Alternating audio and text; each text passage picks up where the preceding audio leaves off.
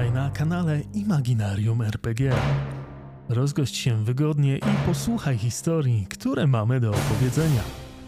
Podoba Ci się to, co robimy? Świetnie! Zostań z nami i obserwuj nasze konta w mediach społecznościowych. Jeśli masz ochotę, zapoznaj się również z naszym profilem na Patronite, gdzie możesz nas wesprzeć oraz samemu stać się częścią tworzonych przez nas przygód.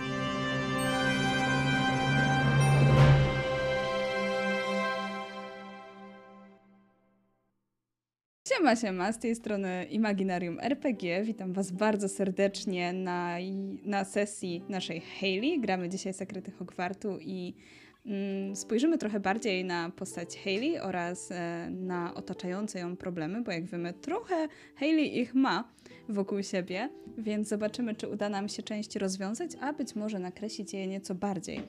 Także ze mną dzisiaj jest oczywiście w roli Hayley Wianna. Witam serdecznie, tak to ja. Ja jestem Mizu i bardzo ubolewam nad tym, że nie mogę Was zapytać, czy wszystko słychać dobrze, czy, czy muza jest ok, ale mam nadzieję, że tak jest.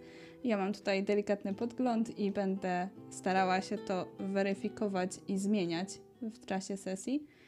Ale w razie co, to chciałabym Was jeszcze zaprosić, bo jeszcze będę mogła, jak to oglądacie, na Machiny Futura oczywiście, na nasz konwent w Poznaniu 16-17 marca. Zapraszam z całego serca, żebyśmy mogli się spotkać, razem pograć w RPszki i pogadać po prostu. Także totalnie wbijajcie. A tymczasem my przejdziemy sobie do naszej sesji. Bo druga Hayley, znowu przyszła zima, a ty wracasz do swojego ukochanego domu na przerwę świąteczną.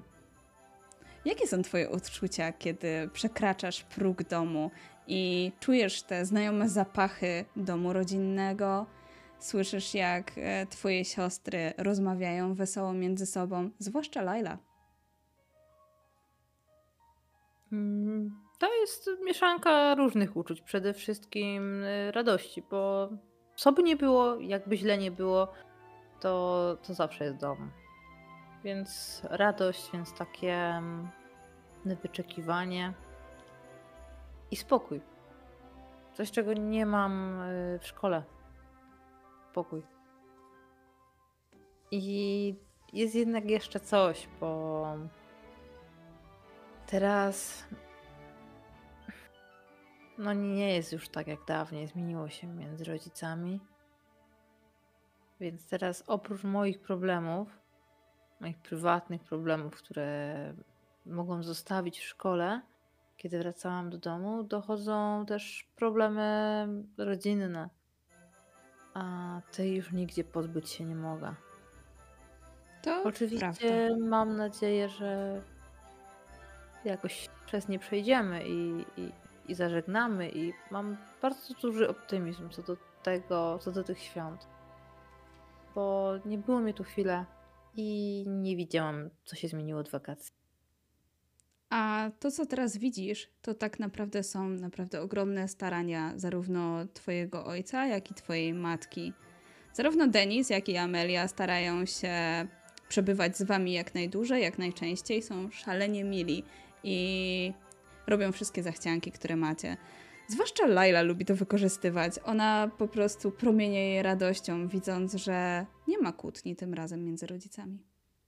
Wszystko jest jak najlepiej. Przynajmniej takie się wydaje, ale myślę, że ty, jako jesteś wyczulona na takie rzeczy, widzisz, że jednak może nie do końca, że jednak jest jakaś nic nieporozumienia, jest jakieś spięcie między nimi, które być może właśnie ze względu na przerwę świąteczną, albo być może na to, że no, oboje tak naprawdę są szczęśliwi, że wszystkie córki wróciły na święta do domu, są po prostu szczęśliwi i odsunęli ten konkretny problem, ten, ten konkretny powód, dla którego często się kłócili. Teraz starają się spędzać z wami dużo czasu i mają naprawdę uśmiechy na ustach. Ale ten czas, który z wami spędzają, spędzają jednak zazwyczaj osobno. Jeśli spędzacie czas z twoim tatą, to twoja mama jest czymś zajęta. Jeżeli twoja mama was gdzieś zabiera, to jednak tata ma akurat trochę jeszcze rzeczy do załatwienia w sklepie, który prowadzi. Ale spójrzmy może jeszcze raz na twoich rodziców, bo dawno ich nie widzieliśmy. Jak wygląda Denis? Jak wygląda Amelia? Przypomnijmy też, jak wyglądają twoje siostry. Dobrze, mam nadzieję, że się y, bardzo dużo nie zmieniło. Nie, bardzo się dużo nie zmieni w tym opisie, y, bo rzeczywiście ostatnio ostatnio mówiliśmy o tym chyba na samym początku, na pierwszej sesji, Tak. albo na drugiej, jakoś tak, gdzieś te wspominki mogły się pojawić. E, więc y, no, mój tata jest, znaczy zresztą moja mama też je- y, jest brunetem. Mm, On ma bardzo ciemne włosy, też ciemne oczy. A ma może trochę bardziej w brąz wpadające, ale wciąż jednak. I też moje siostry mają podobną urodę, ciemną oprawę oczu, ciemne włosy. Laila je ma bardziej kręcone, Salma bardziej proste. E, obie mają długie włosy. I no minęło trochę lat, więc mm, Salma jest już dorosłą czarownicą praktycznie. Już yy, w swoim ostatnim roku. Będzie teraz skończyć szkołę, tak? To się zgadza.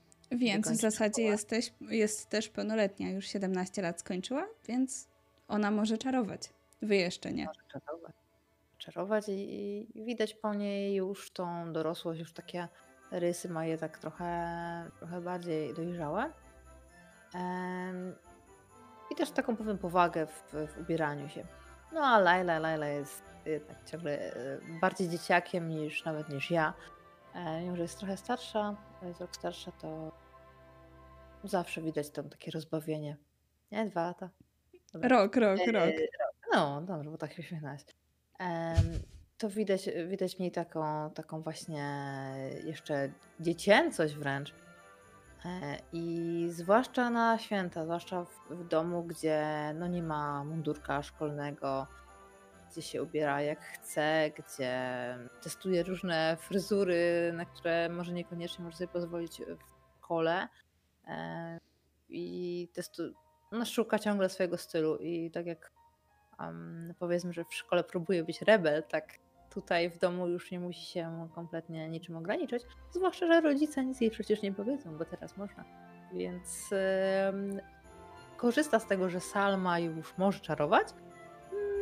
No i ja widzę po twarzy mamy, że normalnie to by ją skrzyczała za te wszystkie ekstrawagancje, mm, za kolczyk, który się pojawił, albo inne takie rzeczy, ale no tylko przygryza e, e, usta i milczy. Więc to jest już bardzo duży sygnał, że coś tam się jednak dzieje pod powierzchnią. Sama Amelia jest y, bardzo piękną kobietą i mimo, że ma już swoje lata, to e, wciąż ta uroda nie minęła. Moja ma się bardzo dobrze starzeje, więc y, naprawdę wygląda bardzo uroczo. I też zauważyłam, że przez ten czas, przez te ostatnie kilka miesięcy, trochę odżyła, trochę lepiej wygląda. Była bardzo chuda przez wakacje, teraz widzę, że troszeczkę wróciła do, do, do swojej wagi, więc jest chyba dobrze. Może, może się dogadają. Tata, tata się nie zmienia nigdy. On, nie pamiętam go ze zdjęć, kiedy byliśmy małe. Kurczę, on wygląda tak samo. No, może kilka, y, parę siwych włosów gdzieś, gdzieś na skroniach, ale y, ma dłuższe włosy, więc też to może sobie trochę zrekompensować, zakryć. Bardzo też ma gęste te włosy. E, I mm, co się zmieniło taty? Tata zapuścił e, wąs i brodę. Jest mała zmiana, bo do tej pory tego nie robił. E, Pamiętam go w wakacje, kiedy wyglądał na takiego bardziej zaniedbanego przez ten, przez ten zarost, a teraz, teraz to wygląda już dobrze. I, I to, że widzę tych rodziców właśnie jako takich em, lepiej wyglądających, to mnie podnosi na duchu, bo jest nadzieja. Bo może oni się naprawdę dogadają. Wiadomo, nie będzie idealnie i czuć to spięcie, no bo, no bo te kłótnie były i to wszystko, ale, ale oni chyba są na dobrej drodze. Więc więc się nie rozstaną i, i będzie wszystko dobrze, na pewno. Tym bardziej, że tak naprawdę robicie to, co robiliście co roku jako rodzina. Z tatą dekorujecie dom pod święta. Zresztą już teraz Salma też może używać czarów do tego. Wy z Lailą robicie to raczej wszystko manualnie, ręcznie. A wasz tata też dyryguje mm, różdżką wami i wciska jak najwięcej żartów, ile tylko można, żebyście poczuły te prawdziwe ciepło domu, te, te święta tak naprawdę. Em, mama zabiera was na łyżwy, na których często e, fajnie się z wami bawi. Sprawia, że, że stajecie się tak naprawdę znowu jedną wielką rodziną, chociaż akurat wtedy znowu wasz tata jest trochę zajęty. Myślę, że z tatą będziesz miała trochę więcej czasu spędzić, kiedy tradycyjnie, jak co roku, zawołała właśnie ciebie do ulepienia wspólnego bałwana takiego, który będzie przedstawiał coś magicznego. Czy to będzie właśnie zwykły, standardowy bałwan, czy być może zrobicie coś zupełnie innego. Być może ulepicie ze śniegu smoka albo coś zupełnie innego. Jak wygląda wasz bałwan? Wiesz co, ja myślę, że ten bałwan miał być smokiem. Ale to nie akurat yy, tak jak trochę sypał śnieg, tak teraz się roztopił i żebyśmy mogli zrobić tą swoją tradycję, to tata musiał stworzyć ten śnieg i on nie jest taki prawdziwy, jest taki bardzo lepki i jak już praktycznie skończyliśmy i tata zrobił krok w tył, nagle skrzydła odpadły tego smoka i tak tylko popatrzył na mnie i szybko zmienił mu buźkę i mówi wiesz co, w tym roku to będzie wozak. I od razu zaczął też naśladować wozaka. E, I rzucać w ciebie obelgi, ale raczej to są takie bardzo urocze obelgi. Podchodzi do ciebie i cię jeszcze tak za policzek pociągnie, jak zupełnie jak małą dziewczynkę. Po czym przygarnie cię do siebie i przytuli bardzo, bardzo ciepło. Mówiąc, Ale ja się czuję jak mała dziewczynka. Ja mówiąc, biorę, y, zgarniam resztki tego śniegu, który się tak e, zabawnie klei do siebie e, i rzucam w tego wozaka. E, o masz, nie będziesz tak do mnie mówił. E, I słyszę że śmiech taty i to jest naprawdę świetny moment. Naprawdę można o wszystkim zapomnieć, o wszystkich problemach. To prawda. A tata przytula cię bardzo mocno i mówi ci: Hayley, kocham cię najbardziej na świecie. Jesteś moją kochaną córeczką.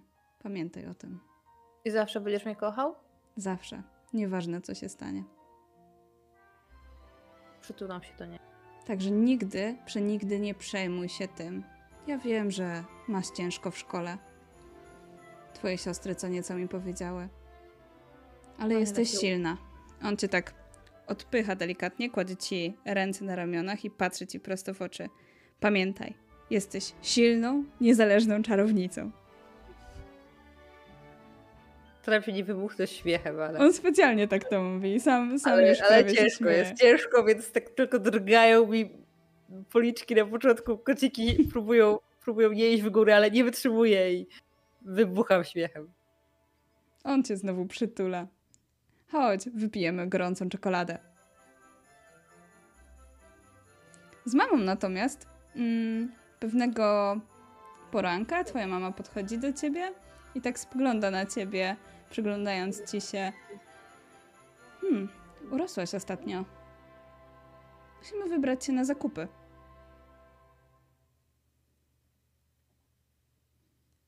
No tak, urosłam. Ona uśmiecha się do ciebie z taką nieukrywaną dumą, widząc, e, że stałaś się troszkę wyższa, spogląda z ogromną czułością na twoje blond włosy. I otacza cię ramieniem, kiedy wychodzicie przed dom, a ona deportuje się razem z tobą do, do jednej z uliczek, gdzie jest cała masa czarodziejskich sklepów, w których możecie zrobić zakupy. I przebieracie różne ubrania, różne nowe buty. W zasadzie doradza ci, co by, co by do ciebie pasowało, ale też ciebie pyta o zdanie. Y, A ja tak, y, jak mi coś y, pokazuje, jakieś ubrania, to e, przytakuję na wszystko, że tak, tak, to jest okej, za chwilę coś innego, tak, też mi się podoba. Ale widać po mnie, że słabo jestem zaangażowana w to, w sensie to nie jest tak, że ja wybieram te ubrania, tylko bardziej ona mi pokazuje, ona mnie namawia na, na wybranie czegoś i ja się na to po prostu zgadzam. E, mało, mało zwracając uwagę na to, co to tak naprawdę jest. Em, A moje rozkojarzenie wynika z tego, że ja się już długo czaiłam, e, żeby porozmawiać z mamą. Jakoś w domu nigdy nie było momentu, żebyśmy były sam na sam. Teraz tak patrzę na nią i myślę sobie o tym, że może ona specjalnie stwarzała takie sytuacje, żeby jakoś nigdy ze mną nie zostać sam na sam. A we mnie ciągle jest niewypowiedziane jedno pytanie. E, Więc kiedy wyjdziemy już ze sklepu z torbami, e, to przechodzimy akurat obok sklepu zoologicznego. I ja już nie mogę się powstrzymać, nie mogę wytrzymać, żeby nie wspomnieć o temacie, który tak bardzo mnie dręczy, mm, odkąd, e, odkąd odkryłam, że z Blackberry chyba nie jest wszystko tak dobrze. Więc teraz e, długo zbierając się na, na zaczęcie tego zdania, szukając odpowiednich słów, e, szukając e, no, takich określeń, żeby ona się nie obraziła, ale żeby ona się czegoś dowiedzieć, w końcu ją zagajam.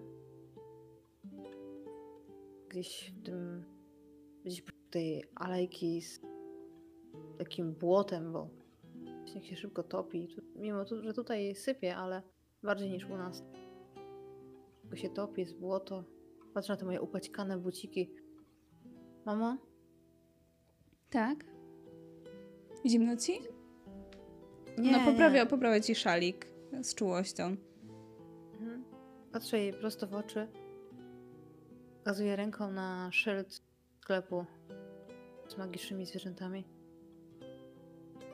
Czy jest coś o Blackberry, co powinien wiedzieć? No tak spogląda na ten szyld, spogląda na ciebie. Nie, czy coś dzieje się złego z Blackberry? Chyba tak. Ale ona nie była od ciebie, prawda? Co masz na myśli? Ta etykietka.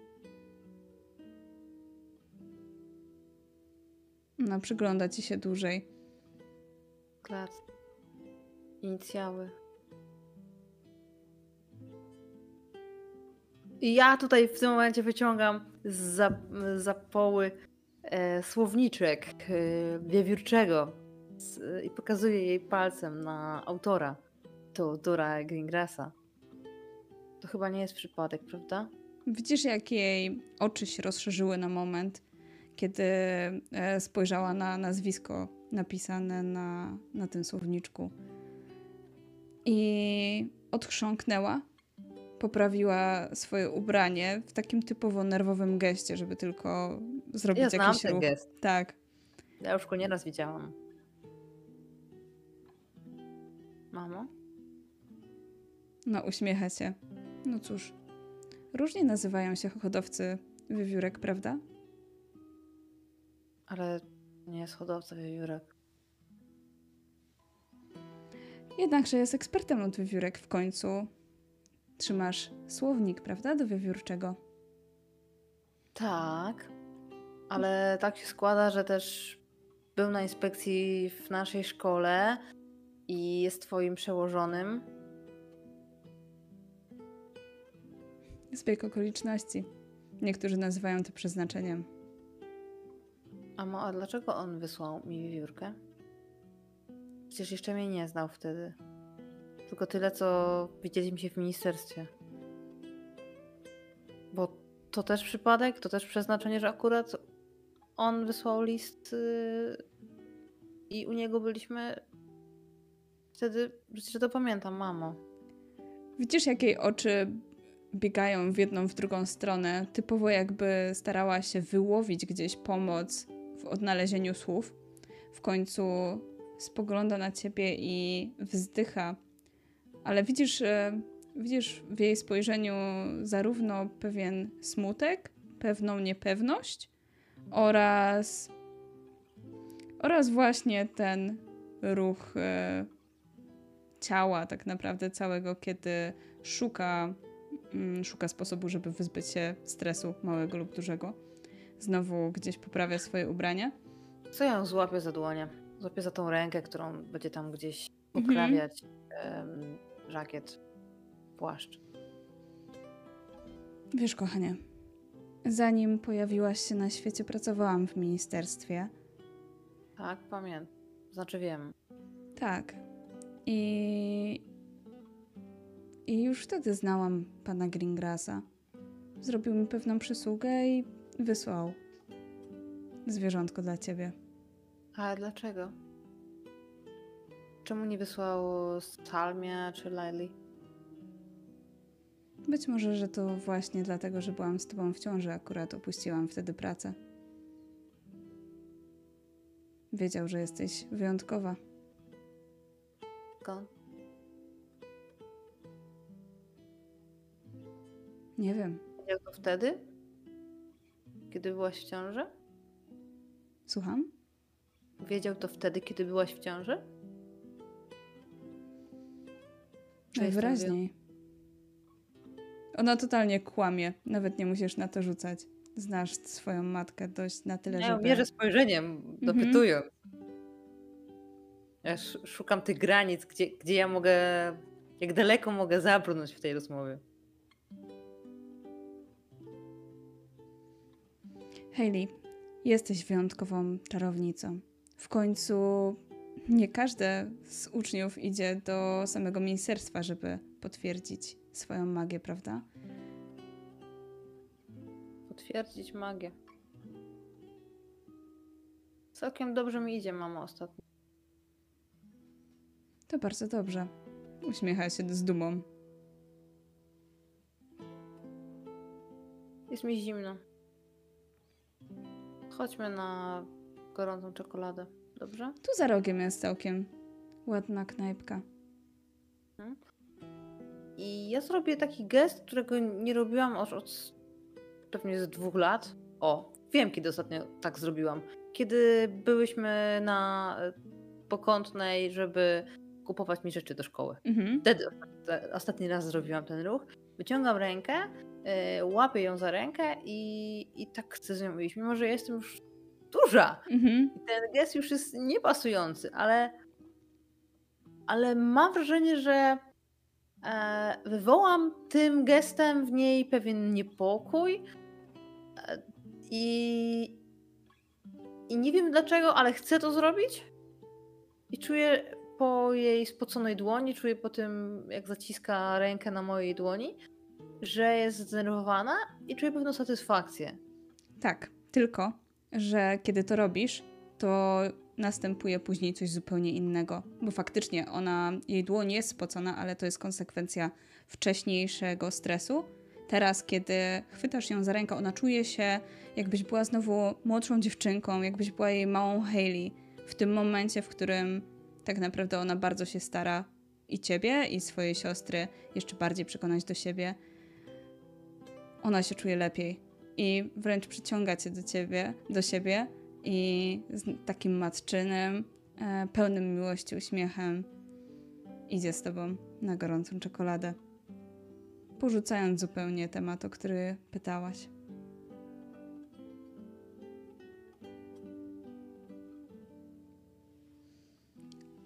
Przenieśmy się nieco w czasie do przodu, do Wigilii. W końcu nie ma to jak najszczęśliwszy dzień, żeby spędzić go z rodziną. Tylko zmienimy sobie muzykę. Mhm, mhm. Na taką bardziej świąteczną. Co znajduje się na waszym stole wigilijnym? No, oprócz jakichś ozdób oczywiście mm, świątecznych. To pewnie standard. Jakiś indyk. Mm, potrawka, zapiekane cieście mm, warzywa po prostu. Tak, że takie, taka warzywna trawka. Jakieś ciasteczka, kilka rodzajów ciasteczek, niczka. I jest jeszcze coś, czego bardzo nie lubię. To jest taki rodzaj zupy, który jest w rodzinie mojej mamy od pokoleń. Ona jest bardzo specyficzna. Jest e, podawana w takim kociołku, który przypomina jak te z nasze z eliksirów. E, Jest takim właśnie oczywiście magią zrobionym mm, podgrzewaczu. E, I można by to sprowadzić do gulaszu, ale y, cho- chodzi o to, że jest to tajemny przepis mojej mamy, e, rodzinny i ta mieszanka przypraw, która tam jest, y, tym korzennych, sprawia, że jakoś to mi nigdy nie smakowało. Zawsze, zawsze się krzywiłam na to. Ja wiem, że ja, trzeba zjeść to, to, to danie, bo to jest tylko i wyłącznie na Wigilię podawane, tylko i wyłącznie świąteczne danie, ale zawsze mnie to wzdrygało. Więc teraz jak czuję ten zapach, to od razu psuje mi się ten, ta, ta świąteczna atmosfera, ale potem spoglądam na e, padający wokół stołu, bo nie na sam stół, ale wokół stołu y, magiczny śnieg, e, który nawet nie upada na podłogę, który nawet nie upada na dywan, ale jest taką naszą dekoracją, też takim właśnie naszym zwyczajem naszej rodziny. E, I, i, I ta atmosfera zaczyna się robić nieco lepsza. E, Patrzę na e, moje siostry, które są bardzo wystrojone. Zresztą ja też jestem bardzo wystrojona, bo przywiązujemy w domu do tego uwagę, wa- wagę, żeby jednak to podniosły dzień. Każdy był ubrany bardzo elegancko. E, na mojego ojca. Też on no nie ma takich rodzinnych tradycji jak moja mama, e, która jest w takiej wręcz sukni, e, co bardzo nie pasuje do współczesności, ale mój tata też ma, też ma takie szaty najlepsze jakie ma, więc to też wygląda bardzo mm, bardzo podniośle i myślę, że gdyby jakiś Mugol był w stanie zobaczyć tę naszą scenę, to, to właśnie by stwierdził, że, że to jest ewidentnie jacyś jacyś e, dziwni ludzie, bo, bo są dziwnie ubrani i, i, i mają ten śnieg i, i jedzą jakieś potrawy, które wyglądają co najmniej co najmniej źle. ale, ale dla nas to jest norma. Gdzieś nieopodal leży też lśniąca odznaka prefekta e, Salmy, która oczywiście jest e, wystawiona, bo jednak Salma jest taką trochę dumą rodziny, jeśli chodzi o te kwestie naukowe. I nieopodal też stoi e, gitara Laili, która jest dodatkowo wzmocniona magicznie i jeszcze bardziej jej muzyka jest w stanie docierać do duszy. Ona zresztą dzisiaj przygrywała wam całą masę świątecznych pieśni. I siadacie do stołu. I myślę, że w pewnym momencie, kiedy tak siedzicie i jecie, i bardzo mało słów pada od strony Twoich rodziców, w zasadzie większość głos podnosi Laila, zagadując o jedno i o drugie. Pamiętasz, jak kiedyś na święta odwiedziliśmy naszą ciotkę i było tak drętwo, i teraz jest tak super? To w pewnym momencie, kiedy już Laila nie ma pomysłów, nastaje bardzo niezręczna cisza. I słychać tylko brzdęk sztućców, słychać tylko dźwięk przeżuwanego jedzenia. To nie jest normalne w waszym domu. I w pewnym momencie twoja mama po prostu odkłada sztućce. Ja już mam tego dość. Już tego nie zniosę. Widzisz momentalnie, jak Laila zatrzymuje swój, e, swój pokarm e, w trakcie drogi do buzi i spogląda na to wszystko. I jej wzrok pada na twojego ojca. Mogłabyś się chociaż zachowywać przy wieczerzy naszej wspólnej. Denis, nie. Ja już nie mogę tak dłużej udawać. Przecież jest okropnie. Widzisz, jak twój ojciec opiera się, zakłada sobie ręce na ramionach. Dobrze, teraz chcesz o tym porozmawiać? Teraz? Tak. Przepraszam was, dziewczynki, ale nie, nie mogę. I ona wstaje i wychodzi. Twój ojciec spogląda za nią. Dobrze. Kontynuujmy w takim razie sami. I w całym tym, w całej tej scenie myślę, że jedyną osobą, która najlepiej to znosi, jestem ja. Bo wątpię, żeby Salma i Laila były teraz w stanie wrócić do, do, do konsumpcji.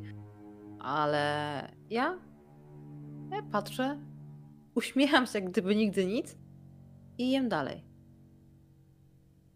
I myślę sobie tylko o tym, że w tym roku ta nieszczęsna zupa mojej mamy nawet mi smakowała. I zaczynam się zastanawiać, czy ona coś zmieniła w niej? Czy, czy może do niej dojrzałam? I tylko o tym myślę. Kompletnie ignoruję. Nie patrzę na tatę, nie patrzę na siostry, nie patrzę na puste miejsce, na którym przed chwilą siedziała moja mama. Nie, ja patrzę na ten kociołek. I robię coś, co jest najgłupszą rzeczą, jaką mogłabym zrobić. Biorę dokładkę do miseczki, którą już odłożyłam, do tego małego takiego mm, zdobnego talerzyka, e, który e, mieliśmy tylko na tą zupę. On jest tylko i wyłącznie raz w roku używany. I biorę tą moją odłożoną już miseczkę, bo już przeszliśmy do innych dań. Sobie biorę dokładkę. I tak mija wam wieczerza. I no cóż, nie wiem, czy spodziewałaś się, że po wieczerzy będzie lepiej lub trochę być może emocje opadną, ale zdecydowanie one wzrosły. Tak jak wspomniałaś, um, twoje siostry nie były w stanie w ogóle wrócić do spożywania posiłków. Salma próbowała tak naprawdę uspokoić zarówno ojca, jak i mm, swoją młodszą siostrę. Natomiast Laila, ona, ona zaczęła mieć takie tiki nerwowe. Gdzieś jej nogi zaczęły chodzić, zaczęła obijać palcami o stół, zupełnie jakby grała na jakiejś perkusji i zaczęła panikować wręcz nawet na głos i mówić do siebie, Boże, co się dzieje, co się dzieje na Merlina. Dlaczego, dlaczego nie możemy teraz zjeść razem? Przecież specjalnie wszystkie przyleciałyśmy tutaj do Hogwartu. Znaczy z Hogwartu. Ona już się zresztą myli, nie? Ona non-stop wydaje coś z siebie, więc być może nawet słysząc głos siostry, nieważne co ona wypowiada, to słyszysz znajomy głos. Znajomy głos? Swojej siostry. No, a dobra, myślałam, że coś innego. Tak, ja to słyszę. Ja widzę, że one panikują. Widzę, że sama próbuje ratować sytuację. Ja jem zupę. Tak. Ja jem zupę. Ona jest dobra. Jem zupę.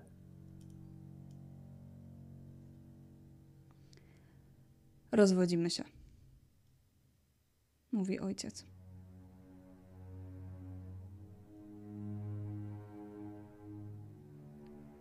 W tym... Patrzę na dziewczyny. Wszystkie chyba już o tym wiedziałyśmy, ale pierwsze spadło na głos. Laila wstaje. Robi kilka kroków w stronę pokoju, do którego poszła wasza mama. Wygląda jakby chciała coś powiedzieć, po czym zamyka usta, odwraca się, chwyta za tę gitarę i ją zaczyna rozwalać. Zaczyna płakać, zaczyna krzyczeć i wybiega. Wybiega z domu, a sama biegnie za nią. A ja wstaję jeszcze raz od stołu, ale ja się znowu nachylam do tego kociołka i, i ja sobie biorę kolejną porcję zupy. Patrzę tylko na tatę, który sam został teraz przy stole. On opiera twarz o dłonie, oddychając ciężko. Słysząc, że nakładasz sobie kolejną porcję, to wydaje ci się, albo być może się zaśmiał, albo zaszlochał. Ciężko stwierdzić. Dźwięk dość Więc- podobny. Więc przy tym dźwięku jego śmiechu czy szlochu, urwanego oddechu i, jakichś dziwnych westchnięć, w ogóle gatułgłosów, które nie kojarzyłam nic z moim tatą, słychać tylko uderzanie łyżki o miseczkę. Słychać tylko głos jedzenia przeze mnie zupy. A kiedy kończę, tata się nie ruszył z miejsca jakby zastygł, jakby zmienił się w kamień. I zaczynam zbierać nakrycie. Ja wiem, że to można zrobić jednym ruchem różdżki, ale zaczynam tu sprzątać, po prostu sprzątać ze stołu najzwyczajniej w świecie. Bo to jest normalna rzecz, której ja się mogę teraz uchwycić. To jest normalna rzecz, która pozwoli mi teraz nie zwariować. Normalna rzecz, która pozwoli mi teraz nie myśleć o tym, co się właśnie wydarzyło. I to jest rzecz, która pozwoli mi jeszcze nie stracić nadziei. Bo ja ciągle ją mam. Kiedy odnosisz naczynia, dostrzegasz, że przez lekko uchylone okno wchodzi do waszego domu Blackberry. I siada ci na ramieniu. Ja ściągam z ramienia. Pisnęła Aj, cichutko. ten- I podrep podreptała sobie gdzieś. Ja jej zostawiam. y, Ona ma takie karmidełko, jej zostawiam tam jedzenie. No, Okej, mogę być na nią zła, ale ją nakarmić, więc, więc robię ten gest jeszcze jeden. Y, Wracam do stołu. Już prawie na nim nic nie zostało. Zostały tylko dekoracje, teczka.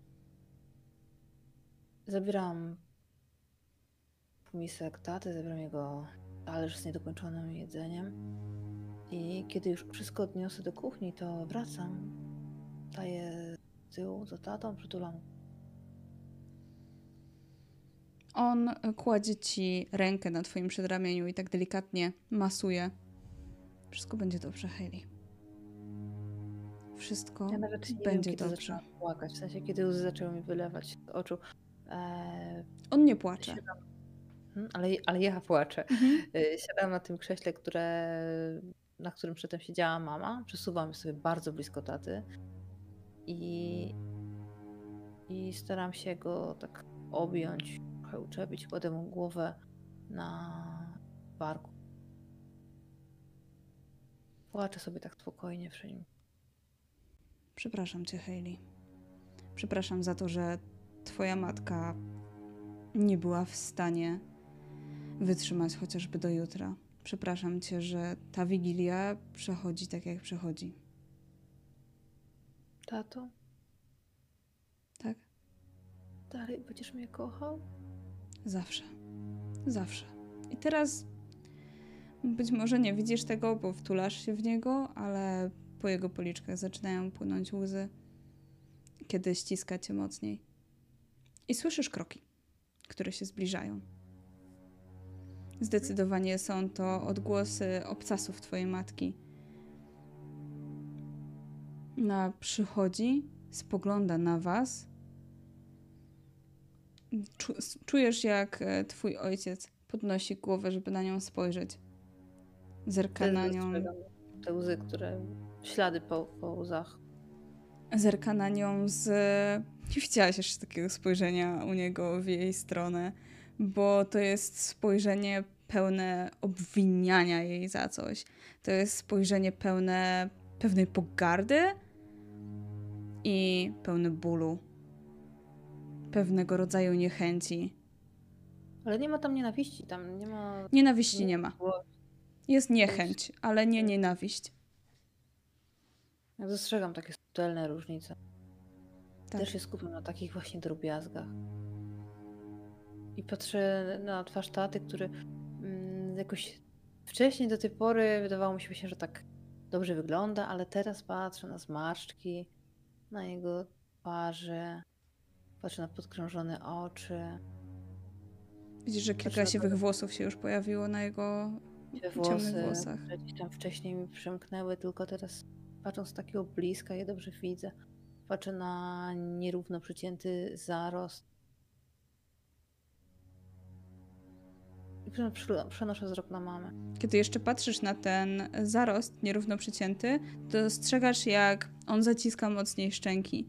Gdzieś widzisz, jak ta żuchwa, żuchwa się delikatnie porusza, jakby bardzo starał się powstrzymać od wybuchnięcia. I kiedy patrzysz na swoją mamę, widzisz, że ona patrzy na tę całą scenę z poczuciem winy, ze smutkiem. Z naprawdę ogromnym smutkiem.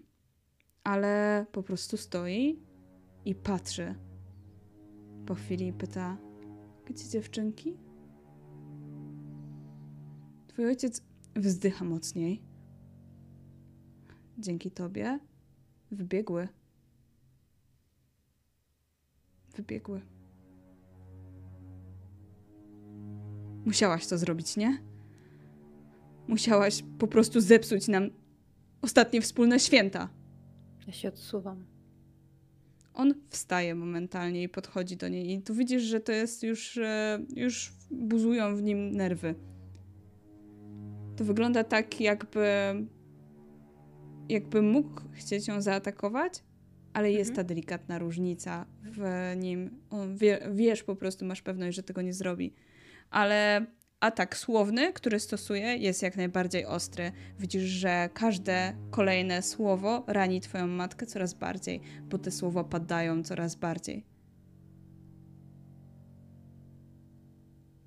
Wstaję powoli, wchodzę z stół, Podchodzę do nich, ale nie na tyle blisko, żeby mm, wejść między nich, tylko bardziej tak, żeby być słyszana, żeby być widziana, żeby być w ich polu uwagi.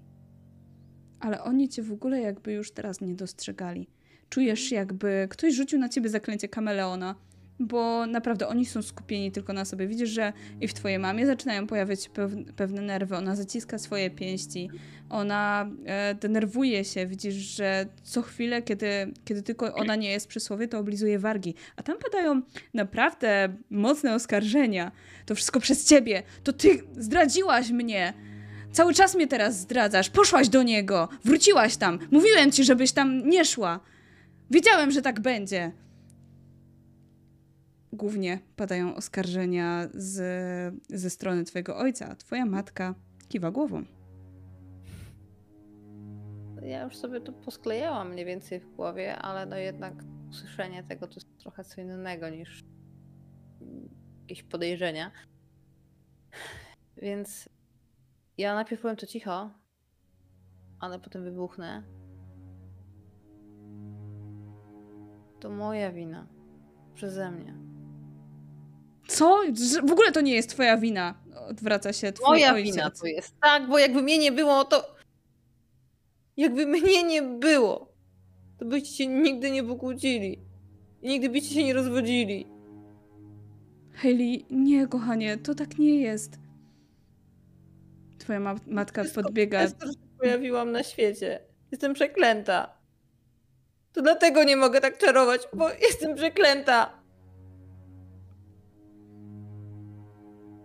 Widzisz, że oczy twojego ojca są bardzo mocno rozszerzone, a po chwili widzisz już połacie szaty twojej mamy, jej sukni, kiedy przytula cię do siebie. Kochanie, wcale tak nie jest. Wcale nie jesteś przeklęta, kochanie. My cię kochamy. My cię kochamy. Ale lepiej, jakby mnie nigdy nie było. Dobrze, że jesteś. Wybucham i wybiegam z pokoju płaczem już czas na głos, już tak. I słyszysz jeszcze większe krzyki tak naprawdę podniesione w tej kuchni. I ty ja nie... do swojego pokoju.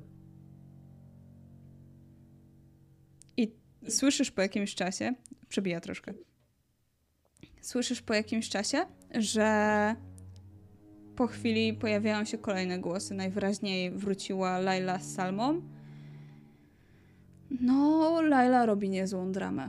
Ona tam płacze, krzyczy, wyrzuca wszystkie swoje nerwy. I tak, jeżeli ktokolwiek mógłby zasugerować, że to ty, to to Laila.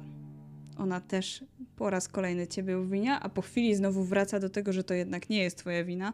Ona się mota w tym wszystkim. I po jakimś czasie słyszysz kolejne trzaśnięcie drz- drzwiami, najwyraźniej Ale ona. jeszcze, jeszcze nim usłyszę trzaśnięcie drzwiami, to ja na początku tam wybiegłam do pokoju, bo ja chciałam być sama, ja chciałam w tym wszystkim nie uczestniczyć, chciałam się wypłakać, ale potem mam w sobie większą chęć, żeby jednak e, właśnie tam być i że tam powinnam być i jakieś takie bezsensowne poczucie, że chcę to wszystko usłyszeć, że nie chcę uronić ani słowa i chcę wiedzieć o wszystkim tym razem, wiedzieć o wszystkim i zupełnie tak, jak wtedy, kiedy byłam małym dzieckiem i zeszłam po schodach i podsłuchiwałam rozmowy moich rodziców, którzy kłócili się o to, że przyszedł list z ministerstwa i że jest jakiś problem ze mną i wtedy byłam przyczajona na tym piątym schodzie i teraz też.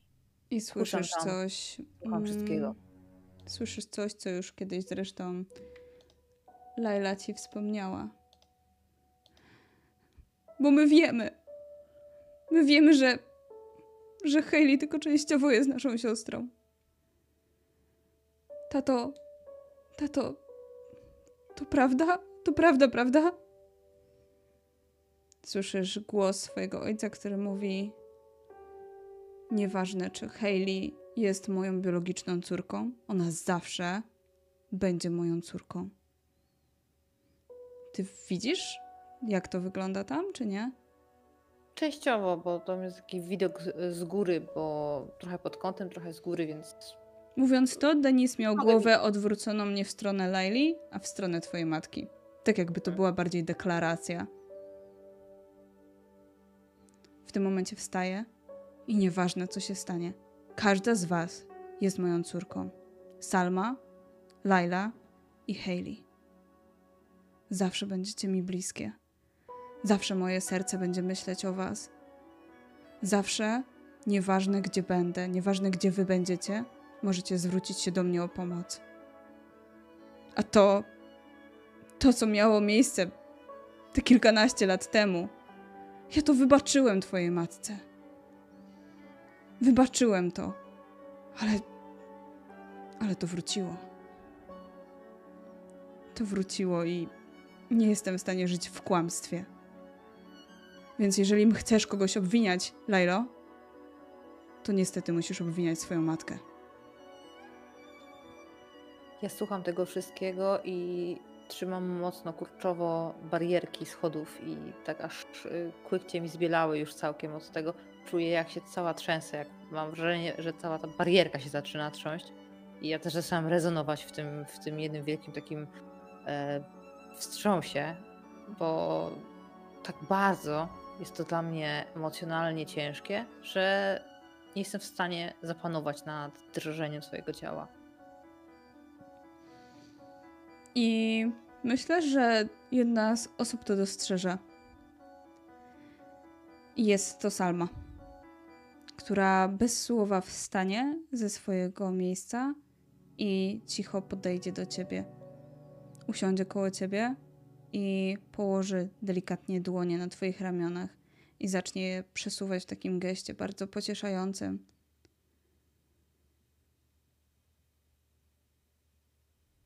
Jak się czujesz?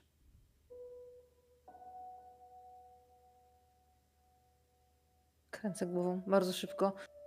Zrywam się i z takim pewnym opóźnieniem wbiegam po schodach do góry. Wbiegam do swojego pokoju, trzaskam drzwiami i mam straszną ochotę coś rozwalić. Najlepiej wszystko. Najlepiej sprawić, że cała zawartość mojego pokoju zmieni się w wielką wichurę, roztrzaska o ściany, roztrzaska, że pękną szyby w oknach i ja w tym wszystkim zatonę, zniknę.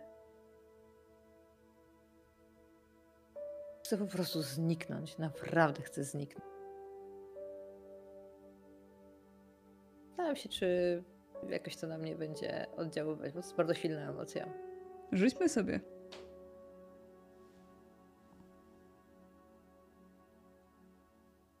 wait a second.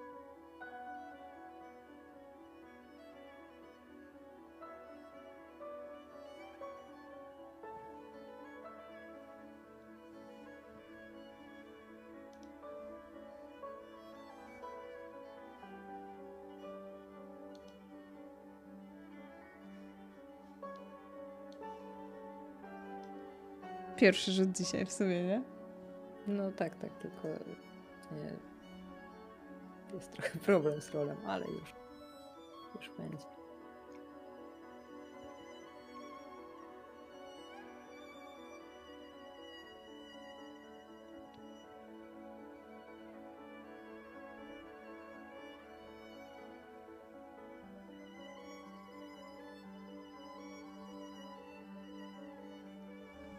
Zapominam o rzutach, nie przygotowano.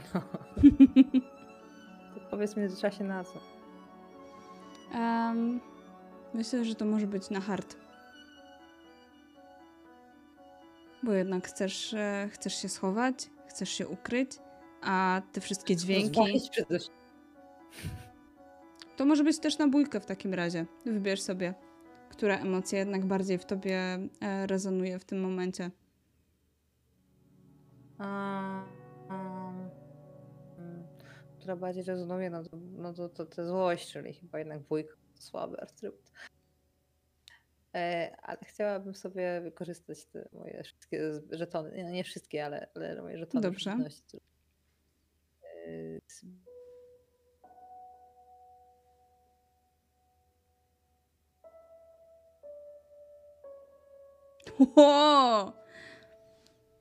Tutaj nie widać, ale wyszło 18, więc powiedz, co się stało. Mm, Dobrze. To w takim razie ja nie spodziewałam się. Ja różdżki. Ja się nie spodziewałam, że e, te moje wszystkie myśli, te moje wyobrażenia o tym, że to wszystko się zniszczy, to wszystko się mu naprawdę poruszy, to zadziała. I teraz koło mnie, wokół mnie powstaje wir złożony z tych wszystkich e, przedmiotów, które zlewają się, przynajmniej z mojego pokoju, które zlewają się w jedną całość, w jedną smugę. E, Ja czuję taki aż podmuch, e, słyszę odgłos e, pękającego szkła, e, słyszę jak e, poście z mojego łóżka gdzieś pada w ten wir, e, wydając z siebie taki specyficzny odgłos, e, jak właśnie żagiel na wietrze.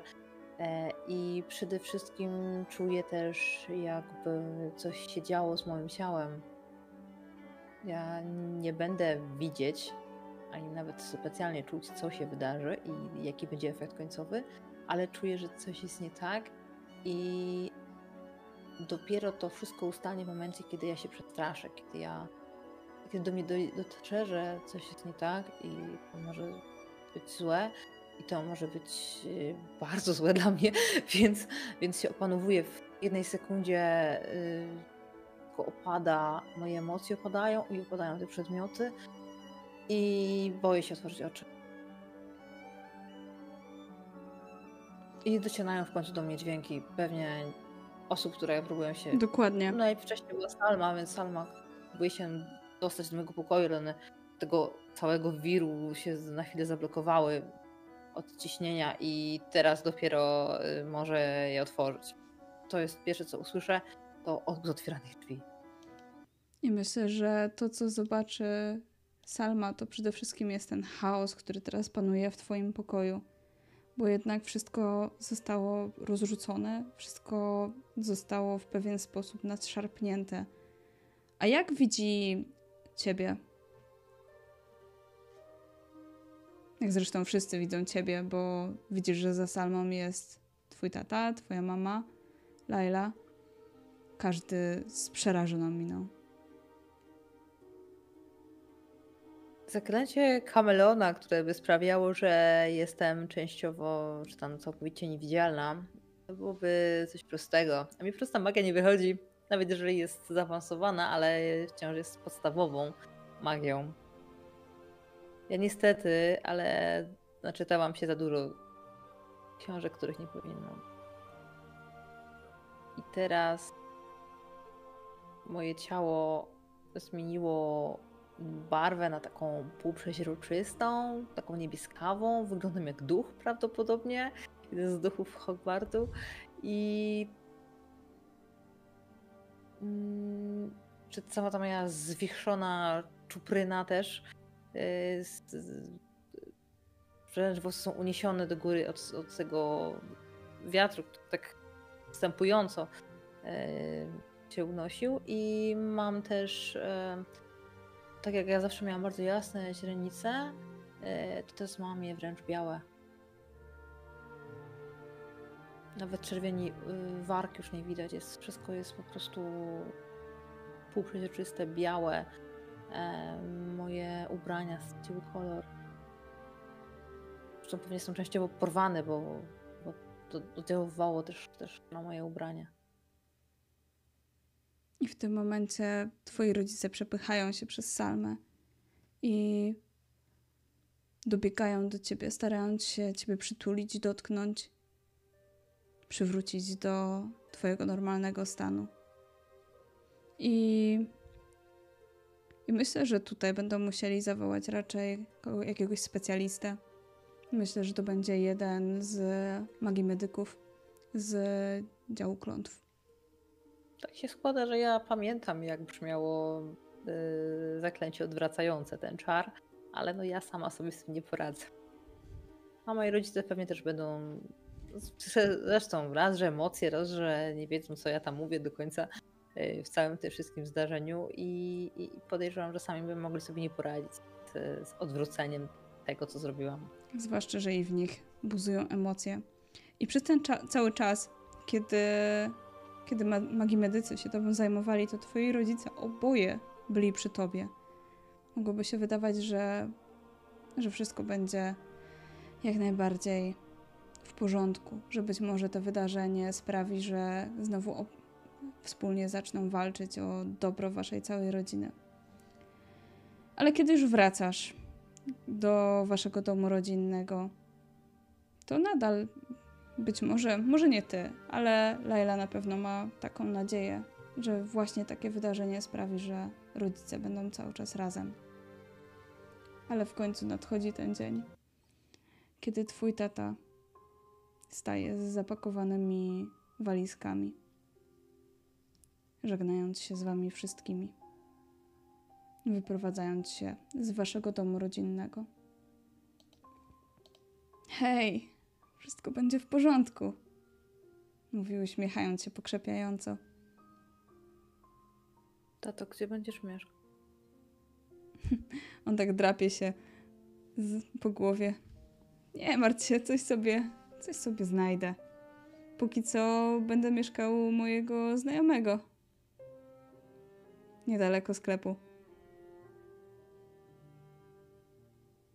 Ale na pewno do wakacji coś znajdę. Będziecie mogły spędzić u mnie trochę czasu. Pamiętajcie, zawsze jesteście u mnie mile widziane, nieważne gdzie będę. Jak e, e, przytulam na palcem, urosłam, ale nie aż tak, e, żeby objąć tatę, szepczę mu do ucha. Ja chcę zostać tylko z tobą. Czujesz, że on wziął mocniejszy wdech i przytula cię mocno. Hayley, teraz musisz skupić się bardzo mocno na tym, żeby opanować magię. Jak widzisz, jest to trochę niebezpieczne. Obiecuję ci, że ją opanuję. A ja po raz kolejny ci obiecuję, że wezmę cię na jeszcze jedną wycieczkę. Tak jak wtedy. On całuje cię w czoło. Na nie jedno. Na nie jedną. Zawsze będę twoim tatą. Tato, proszę uważaj na siebie. Obiecuję, będę uważał. I podchodzi się pożegnać z pozostałymi córkami. I kiedy kończy, idzie jeszcze raz do ciebie, żeby uściskać cię mocniej. Zawsze miałaś wrażenie, że byłaś ulubienicą twojego taty. A kiedy podchodzi do świstoklika, który okazuje się być drobną konewką, spogląda jeszcze raz na was i uśmiecha się w ten bardzo wesoły sposób, który zazwyczaj się uśmiecha. Po czym słyszysz delikatny, I to jest impuls, kiedy ja się rzucam w jego stronę, ale nie zdążę. słyszysz delikatny trzask i już go nie ma. I jeszcze jedną scenę bym chciała zrobić e, w domu rodzinnym, zanim wrócimy do Hogwartu. Bo myślę, że tego samego dnia puka do twoich drzwi w końcu twoja mama. Mhm. Kiedy wchodzi do twojego pokoju, rozgląda się po nim, to już jest zdecydowanie wszystko uporządkowane przez, te, przez ten czas. I podchodzi do niektórych zdjęć, które wiszą na ścianach. Uśmiecha się z takim nostalgicznym wyrazem twarzy. Pamiętam, jak zaszłam z tobą w ciążę. Było to coś wspaniałego. No moja Tak? niestety. Kochanie, naprawdę nie chcesz nic wiedzieć? Chcę wiedzieć dlaczego. Ja zawsze kochałam twojego tatę. To dlaczego ten człowiek był ważniejszy wtedy? Bo czasami jest tak, że spotkasz kogoś i zapałasz do tej osoby miłością, i nagle okazuje się, że to, co myślałaś, że jest wielkim uczuciem, wcale nim nie było. A są różne rodzaje miłości, moja droga Hayley. Ja wciąż kocham Twojego tatę, ale nie w taki sposób, jak chciałabym go kochać. Twój tata zasługuje na lepsze życie, a ja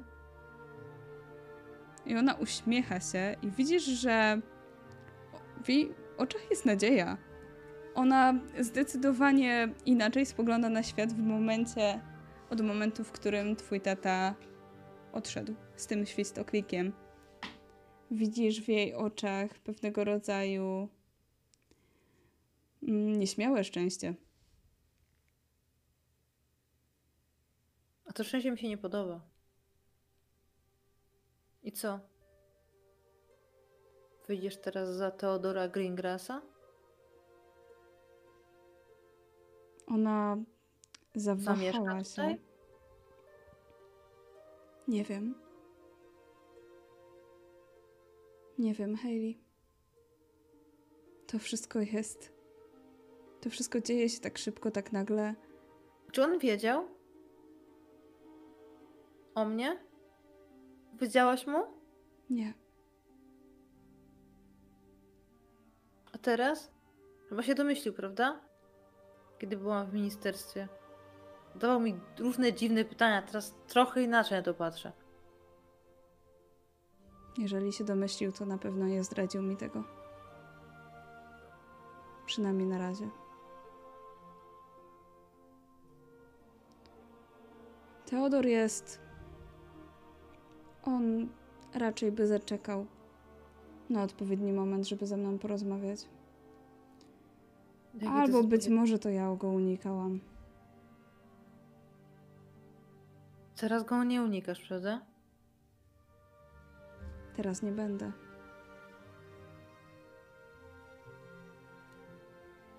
I co teraz nie rozmawialiście dalej o tym? Heli, to wszystko naprawdę jest bardzo trudne. Ja wiem, że teraz myślisz, że to wszystko jest twoja wina, obwiniasz się bardzo, ale to nie jest twoja wina. Jeśli gdzieś leży wina, to wasz ojciec miał rację, to tylko moja wina. Ale czy to na pewno jest wina, kiedy serce mówi zupełnie inaczej? Co miał powiedzieć tata? Twoje serce mówiło inaczej. Mimo to był i jest twoim tatą. Jedynym. Jedynym prawdziwym.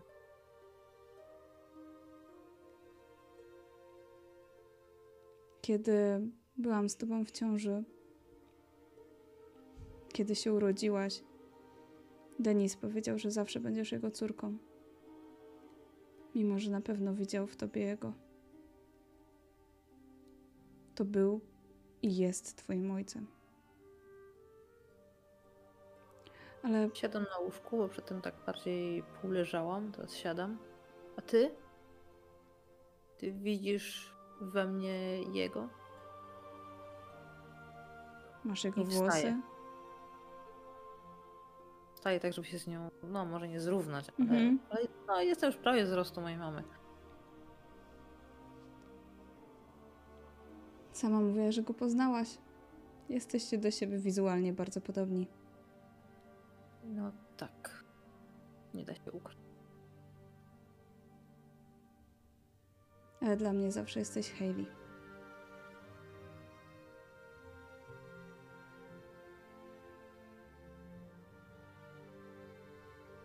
I jeżeli kiedyś będziesz chciała, to na pewno, na pewno Teo będzie chciał cię poznać.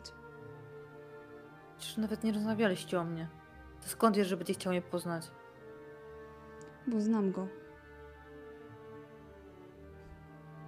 Pewnie będzie miał mi za złe, że chowałam cię przed nim.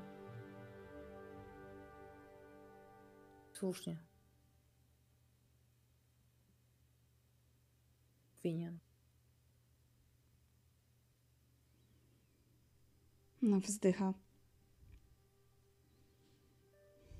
Jutro wracacie do szkoły. Cieszę się na. I wcale się nie dziwię, że teraz mnie nienawidzisz, ale proszę, nie kieruj tych emocji w stronę Teo. To nie przez niego wyszło jak wyszło. To tylko przeze mnie. To on. Nie, On kazał jej przyjść do mnie. Tej kobiecie z ministerstwa. jakie kobiecie z ministerstwa? Tej, która pobierała mi krew. Kto ci pobierał krew? Ja za cholerę nie pamiętam jej nazwiska, więc teraz Podajesz. Mhm. wymieniam je. Widzisz, jak jej twarz zbladła. I do czego była jej ta krew? Ona mówiła ci coś? Do badań. Dowiem się wszystkiego. Jakby Greengrassowi na mnie zależało, to by jej tego nie zlecił. Nie było normalne badanie, mamo. Boże, dziecko. Przytula cię mocno. Odsuwam się. Ona mi Ona jeszcze tak rękę, rękę wyciąga w twoją stronę, ale cofa ją. Ona mi sprawiła ból.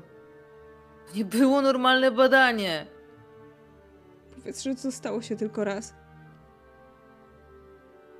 Nic nie mówię. Gdzie wtedy był przed rzeźniami to Teo? Porozmawiam sobie z nim o tym. Nie będzie. Nie będzie nasyłał żadnych kobiet do mojej córki. Nikt ci nie sprawi więcej bólu, dobrze? Dziwne, ale nie jestem królikiem doświadczalnym. Nie jesteś. Nie jesteś, kochanie. Miałam o tym nikomu nie mówić, ale mam dość. Ale ja nie, nie dałam takiej obietnicy i oczywiście podniosę tę sprawę. Skonfrontuję się z nią i z nim. I dobrze. Masz rację. Czas najwyższy, żeby przestać ukrywać ciebie. No, spogląda jeszcze raz po twoim pokoju. A co z tym? I tu pokazuję na już posprzątany pokój, ale to się liczy. Użyłam czaru poza szkołą. Żadna nie sowa nie przyszła.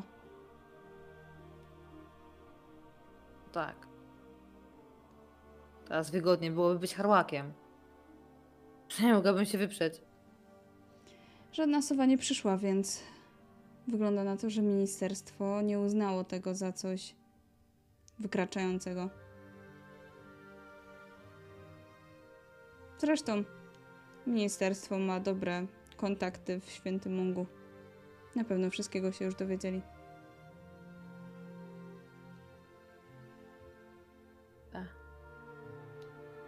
Może to było coś jak siedziałem młodym czarodziejom. kiedy odkrywają sobie magię. Być może, kochanie. Być może. No, uśmiecha się. Po czym spogląda znowu na twój pokój. Zostawię cię w takim razie samą. Gdybyś chciała porozmawiać, będę na dole. Czekam aż wyjdzie, stojąc, a potem siadam do biurka i piszę list do Maisie.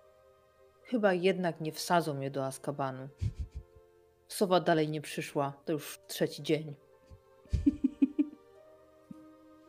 I słuchać jak skrobię piórą dalej.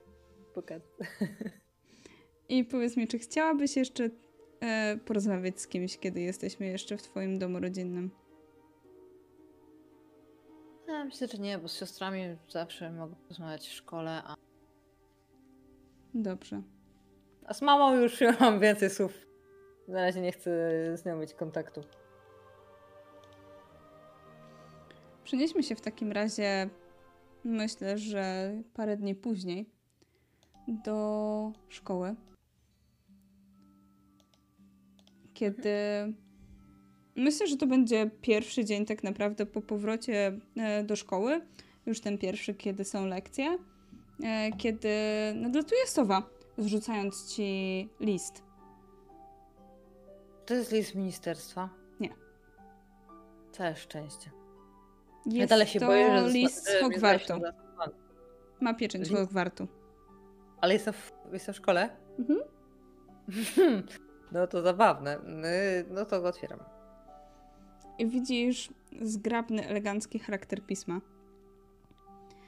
Panno Crowdy, zapraszam panią do mojego gabinetu dziś po kolacji. Musimy o czymś porozmawiać. Dyrektor Malfoy.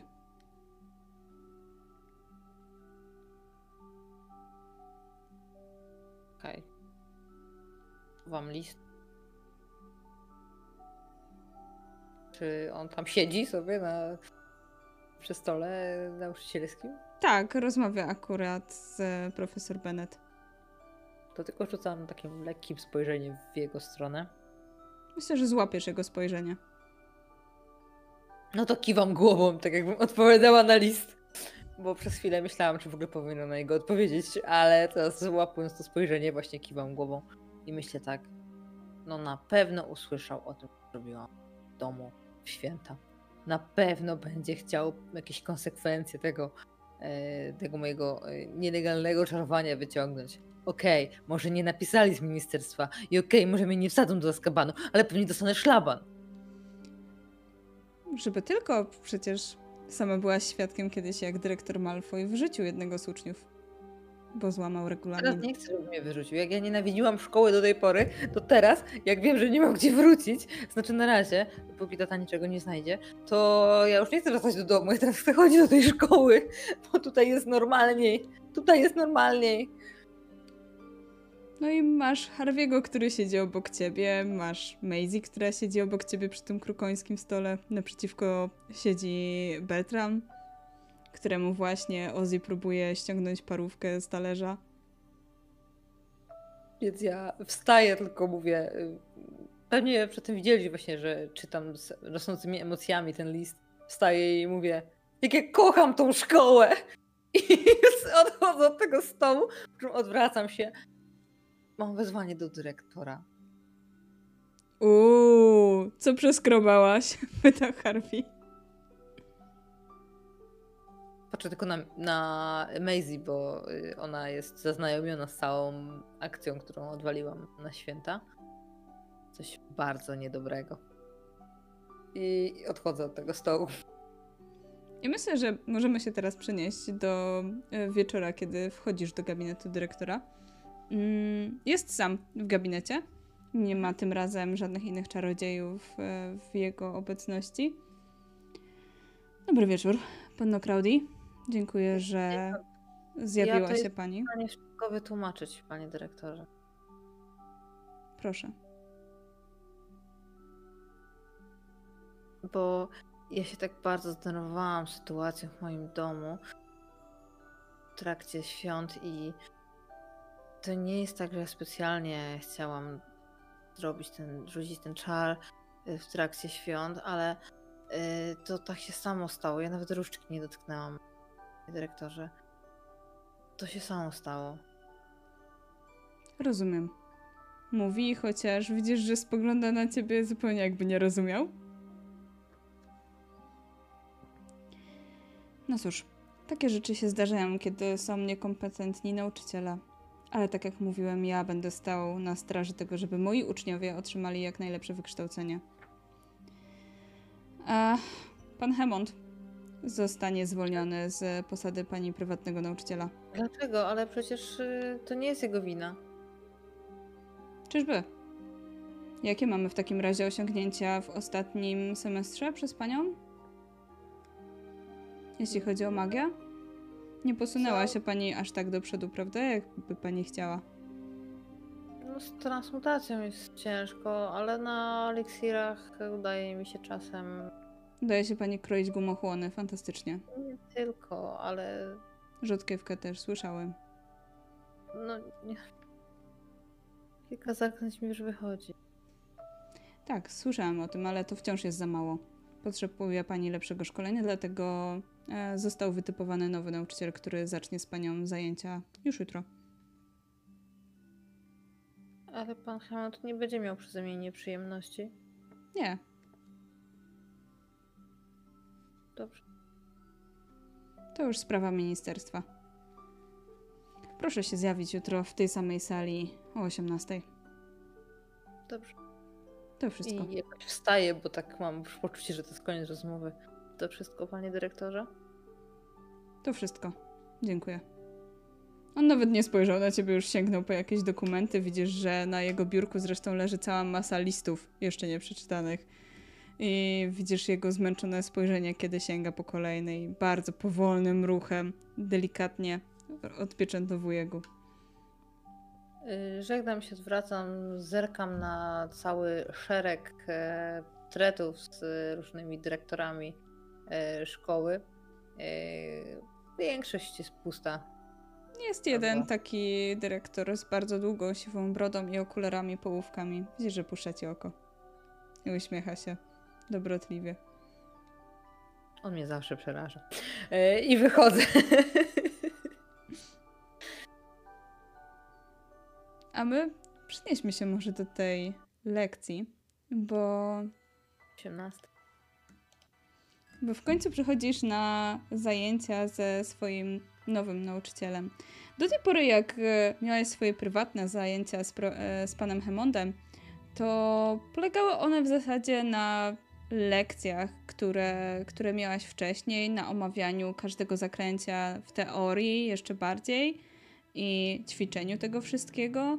Co jakiś czas robił ci też e, badania twojej magii, przykładając różdżkę, czy to właśnie do, do twojego mostka, czy do twojej dłoni mm, w różny sposób i czasami udało wam się też wyćwiczyć albo skorygować twój ruch. E, Dowiadywałaś się też nieco więcej na temat e, teorii danego zaklęcia, skąd ono się wzięło i to tyle w zasadzie. Teraz przed tobą staje nowy nauczyciel. Jest on dość e, niską i krępą osobą. Jest to mężczyzna w około 40, 40 lat. Ma długie, jasno-rude włosy spięte w taki niski kucyk oraz bujną, rudą brodę. Ma dość pogodne spojrzenie i krzeczaste brwi. Spogląda na ciebie i patrzy w górę i w dół. A, ty musisz być panna Crowdy. Dzień dobry. Nazywam się Sean e, McFasty. Wyciąga do ciebie dłoń. Jego dłoń jest dość duża. Niepewnie podaję mu swoją rękę. Ściska ją. Zdecydowanie pewnie, chociaż nie jest to taki uścisk, który sprawiłby, że cię boli. To nie jest uścisk, którego się bałam. Tak. On uśmiecha się do ciebie. No, to co? E, najpierw chciałbym usłyszeć trochę o pani. Jak się pani dzisiaj czuje? Czy zaj- zajęcia były dobre? Mm, tak. Dopiero wróciliśmy po przerwie. Mm. My jesteśmy w sali, nie? Tak. No to siadam na krześle tak dosyć ciężko. może przejdźmy od razu do ważnych rzeczy. Jest jedna taka, którą zauważyłam, pewna zależność. Tak. Moja magia zależy od moich emocji. Słyszałem już o tym. E, Rozmawiałem z e, panem Hemondem, chociaż mówił, że raczej nie skupił się na badaniu tego aspektu. Ja bardzo bym chciał się na nim za to skupić. Ale zanim chciałbym sam zobaczyć, co pani potrafi, czego pani nie potrafi, no i przede wszystkim zobaczyć, jakie są pani możliwości. I podchodzi do ciebie. Czy mogłaby pani wystawić rękę i odsunąć trochę przed ramię? Pamiętasz Dobrze. podobne pytanie? Tak, to nie jest tak, że ja to robię od razu. Ja tak, tak patrzę, mierzę go spojrzeniem. Eee, próbuję wyczuć, czy mogę mu zaufać. Widzisz, że em, oczy ma jasne, jasno-błękitne, które błyskają takimi wesołymi ognikami. Z nadbrody widzisz masę piegów. Bardzo ostrożnie. On przykłada różdżkę do twojego ramienia i czujesz delikatne mrowienie, ale jest to takie bardziej jakby przyjemne mrowienie. On wysyła taki magiczny impuls i przesuwa różdżką trochę bliżej twojej dłoni, po czym zaczyna naciskać różdżką na każdą tak naprawdę wypukłość na twojej dłoni i wysyłać takie magiczne impulsy, które sprawiają, że one idą coraz bardziej w twoją stronę i czujesz jak przechodzą i później wychodzą z ciebie czubkiem głowy. Tak jakby robił taki magiczny rezonans. To samo później robi z twoją drugą dłonią. I jeszcze pytacie, czy może ci przyłożyć e, różdżkę do twojego mostka. Coś takiego robił też pan Hemon z tym tak, tak. mostkiem. Ja już jak widzę, że jest w miarę okej, to się rozluźniam. Chciałam go zapytać, co w sumie robi, ale wstrzymuję się. I, i poczekam, aż kończy badanie. Kiedy kończy to badanie, spogląda na ciebie z takim zrozumieniem i potakuje głową, tak jakby, jakby ktoś mu coś powiedział i on tak, a okej, okej. Mm, no cóż, wygląda na to, że... Wygląda na to, że być może będę w stanie pani pomóc. Wychodzi na to, że coś panią blokuje, ale ma pani pokłady magii w sobie. Tylko trzeba znaleźć ten czynnik, który to odblokuje. Wspominała pani, że często są to emocje u pani. Tak. No dobrze. I ci klaszczę tuż przed, przed oczami. Czarujemy. Proste zaklęcie. Wingardium Leviosa. Wyciągam różdżkę, taka trochę zestresowana, jeszcze mnie przestraszył tym klaśnięciem. Próbuję rzucić z... y, cokolwiek, co, co leży na, na jego biurku. Jakiś jego przedmiot. Jak myślisz, udaje ci się? Nie. Panno Crowdy, Tym Lewios. jeszcze raz. Proszę rzucić te zaklęcie. Niech przypomni sobie pani ostatnią, najgorszą scenę, jaką pani doświadczyła. Niech wypełni pani serce. Proszę przymknąć oczy. Niech się Najlepsze też działało. Zacznijmy z grubej rury. Nic nie wywołuje emocji bardziej jak te złe.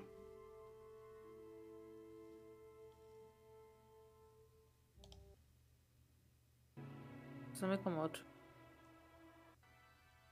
Staram się różdżkę utrzymać w, tym, w tej pozycji, gdzie Słyszysz, że Myślałam. on przechodzi obok ciebie i staje ci za plecami. Po czym kładzie ci ręce na twoich skroniach. A teraz proszę się całkowicie odprężyć i wysunąć tylko te jedne wspomnienia. I w tym momencie czujesz pewne zawirowanie i te wspomnienie wręcz w ciebie uderza.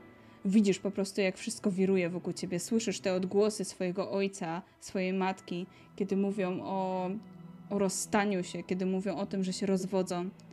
Słyszysz słowa twojej matki o Teodorze Gr- Gringrasie. To wszystko zaczyna w tobie bardziej buzować.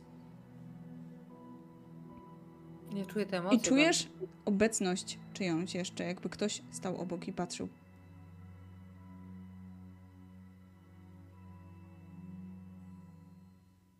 I wypowiadam. Spokojnie zakl. Szept.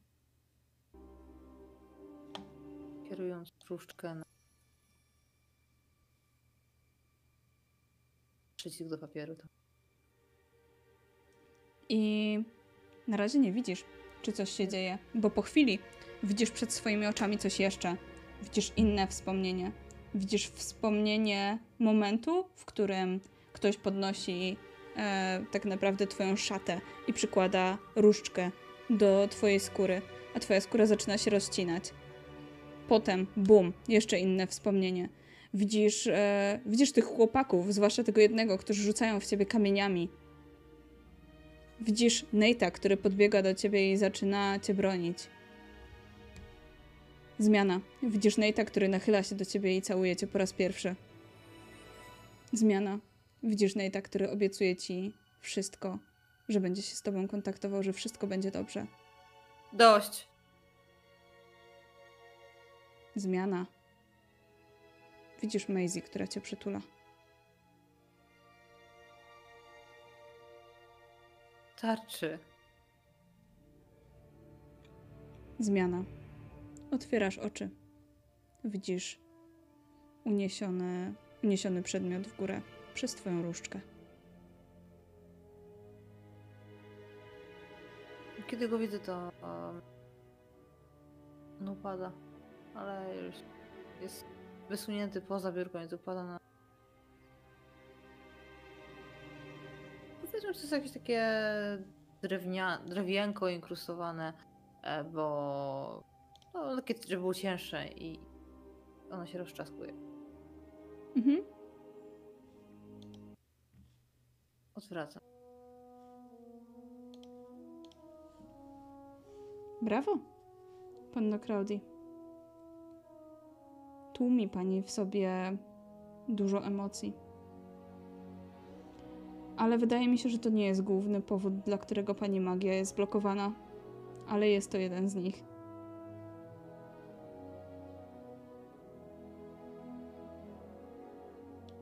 Jest pewien przedmiot, który może pani pomóc. On macha różdżką i pojawia się duża misa. Być może ty jesteś z rodziny czarodziejskiej, więc myślę, że miałaś już wcześniej do, do czynienia z myślociewniami. Proszę, No to to dla pani. Kiedy nie będzie pani mogła sobie poradzić z jakimiś myślami, albo będzie chciała się pani przyjrzeć im z odległości, wystarczy odsiać je do tej misy i spojrzeć na nie jeszcze raz. Czasami wtedy jesteśmy w stanie sobie o wiele bardziej poradzić z problemami. Czasami nawet te problemy później okazują się wcale nimi nie być, kiedy spojrzymy na nie z zupełnie innej strony.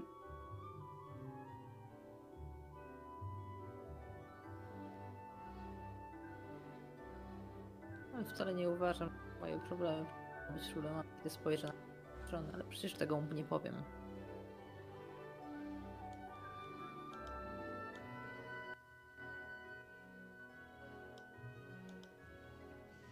A teraz zajmiemy No tak. się nauką czegoś innego. Skoro radzi sobie pani z zaklęciem z pierwszego roku, zobaczymy, jak sobie pani radzi z zaklęciami na pani roku. Czy ćwiczyła już pani zaklęcie odpychające do pulso? Nie Tak. słyszałam. W takim razie proszę zaprezentować. No i tu się historia powtarza. Mhm. Wykonuje odpowiedni ruch, wiem, depulso prawidłowo i tak dalej, i tak dalej, ale to się nie dzieje. Dobrze. Proszę zrobić to jeszcze raz, ale za chwileczkę. I on e, łapie cię delikatnie za dłoń i przystawia różdżkę do twojej dłoni. Tej, w której nie trzymasz różdżki. Proszę rzucić teraz. Dobrze, ale nie sprawi pan, że znowu będę wszystkie te wspomnienia widzieć, prawda? Nie. Teraz chcę wysłać impuls magiczny, który by sprawdził, w którym momencie zaklęcie się blokuje.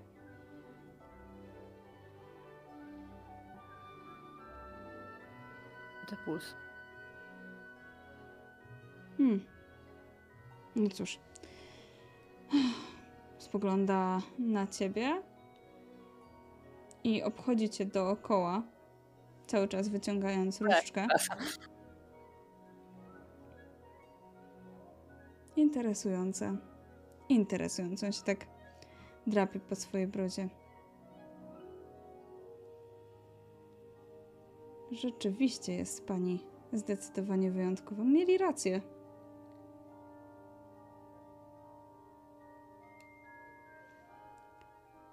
Widzi pani, zostałem wytypowany przez e, konkretne osoby w ministerstwie, żebym to ja panią nauczał. Ale wydaje mi się, że będziemy musieli trochę inaczej poprowadzić nasze zajęcia. Być może będzie mi pani mogła pomóc w paru zadaniach. Ale to zobaczymy w przyszłym miesiącu. Teraz muszę przeanalizować to, co odkryłem. A odkryłem dzisiaj bardzo dużo. Dziękuję pani za zajęcia. To już wszystko? To już wszystko na dzisiaj. Spoglądam na zegar, minął może kwadrans. Panem Hammondem mieliśmy dwie godziny. Kolejnym razem na pewno będziemy mieli dłużej. Pan Rozumiem. Hemond niestety nie przekazał mi dostatecznych notatek, żebym mógł przygotować idealne zajęcia pod panią. Teraz Rozumiem. jestem bardzo blisko tego, żeby odkryć, co to jest. Tylko muszę jeszcze zapytać parę osób o coś konkretnego. I on spogląda tutaj w tym momencie na ciebie i masz wrażenie, że kolor jego oczu delikatnie się zmienił na chwilę, na taki jaskrawy fiolet. Czy mi to coś mówi? Chcesz sobie rzucić? Tak. Dobrze. Na, myślę, wiedzę? Rozum? A więc. No, no, na rozum. Żetony przeciwności się same nie odbudują. Tak czy inaczej, on w międzyczasie zaczyna pakować część książek, które tutaj przyniósł, których w ogóle nie użył do, do waszych zajęć. E, widzisz, że ma taką dość przestarzałą torbę, mimo że wcale nie jest jakiś taki bardzo, bardzo stary. E, no cóż, kolor jego oczu się zmienia, ale być może to jest po prostu światło, które inaczej teraz wpada do, do, do pomieszczenia. Albo w zasadzie w, średnio wpada, bo w końcu jest styczeń. Jakby nie patrzeć, a to już jest, to już jest wieczór. Więc e, tak. Więc on jeszcze raz podnosi tę myśl odsiewnie i podaje ci ją do rąk. Obiecuję, że już nie będę męczył panią pani wspomnieniami. Teraz zostają one tylko i wyłącznie z panią.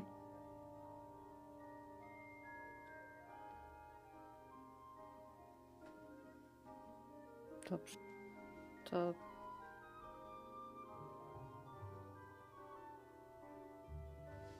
Chyba cię zacięło na chwilkę. no, rol. Tak. To do widzenia. Do Mówię widzenia. Pewnie patrząc na niego.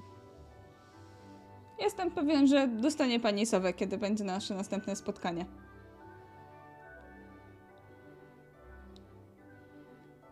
I głowa do góry. Chodzę.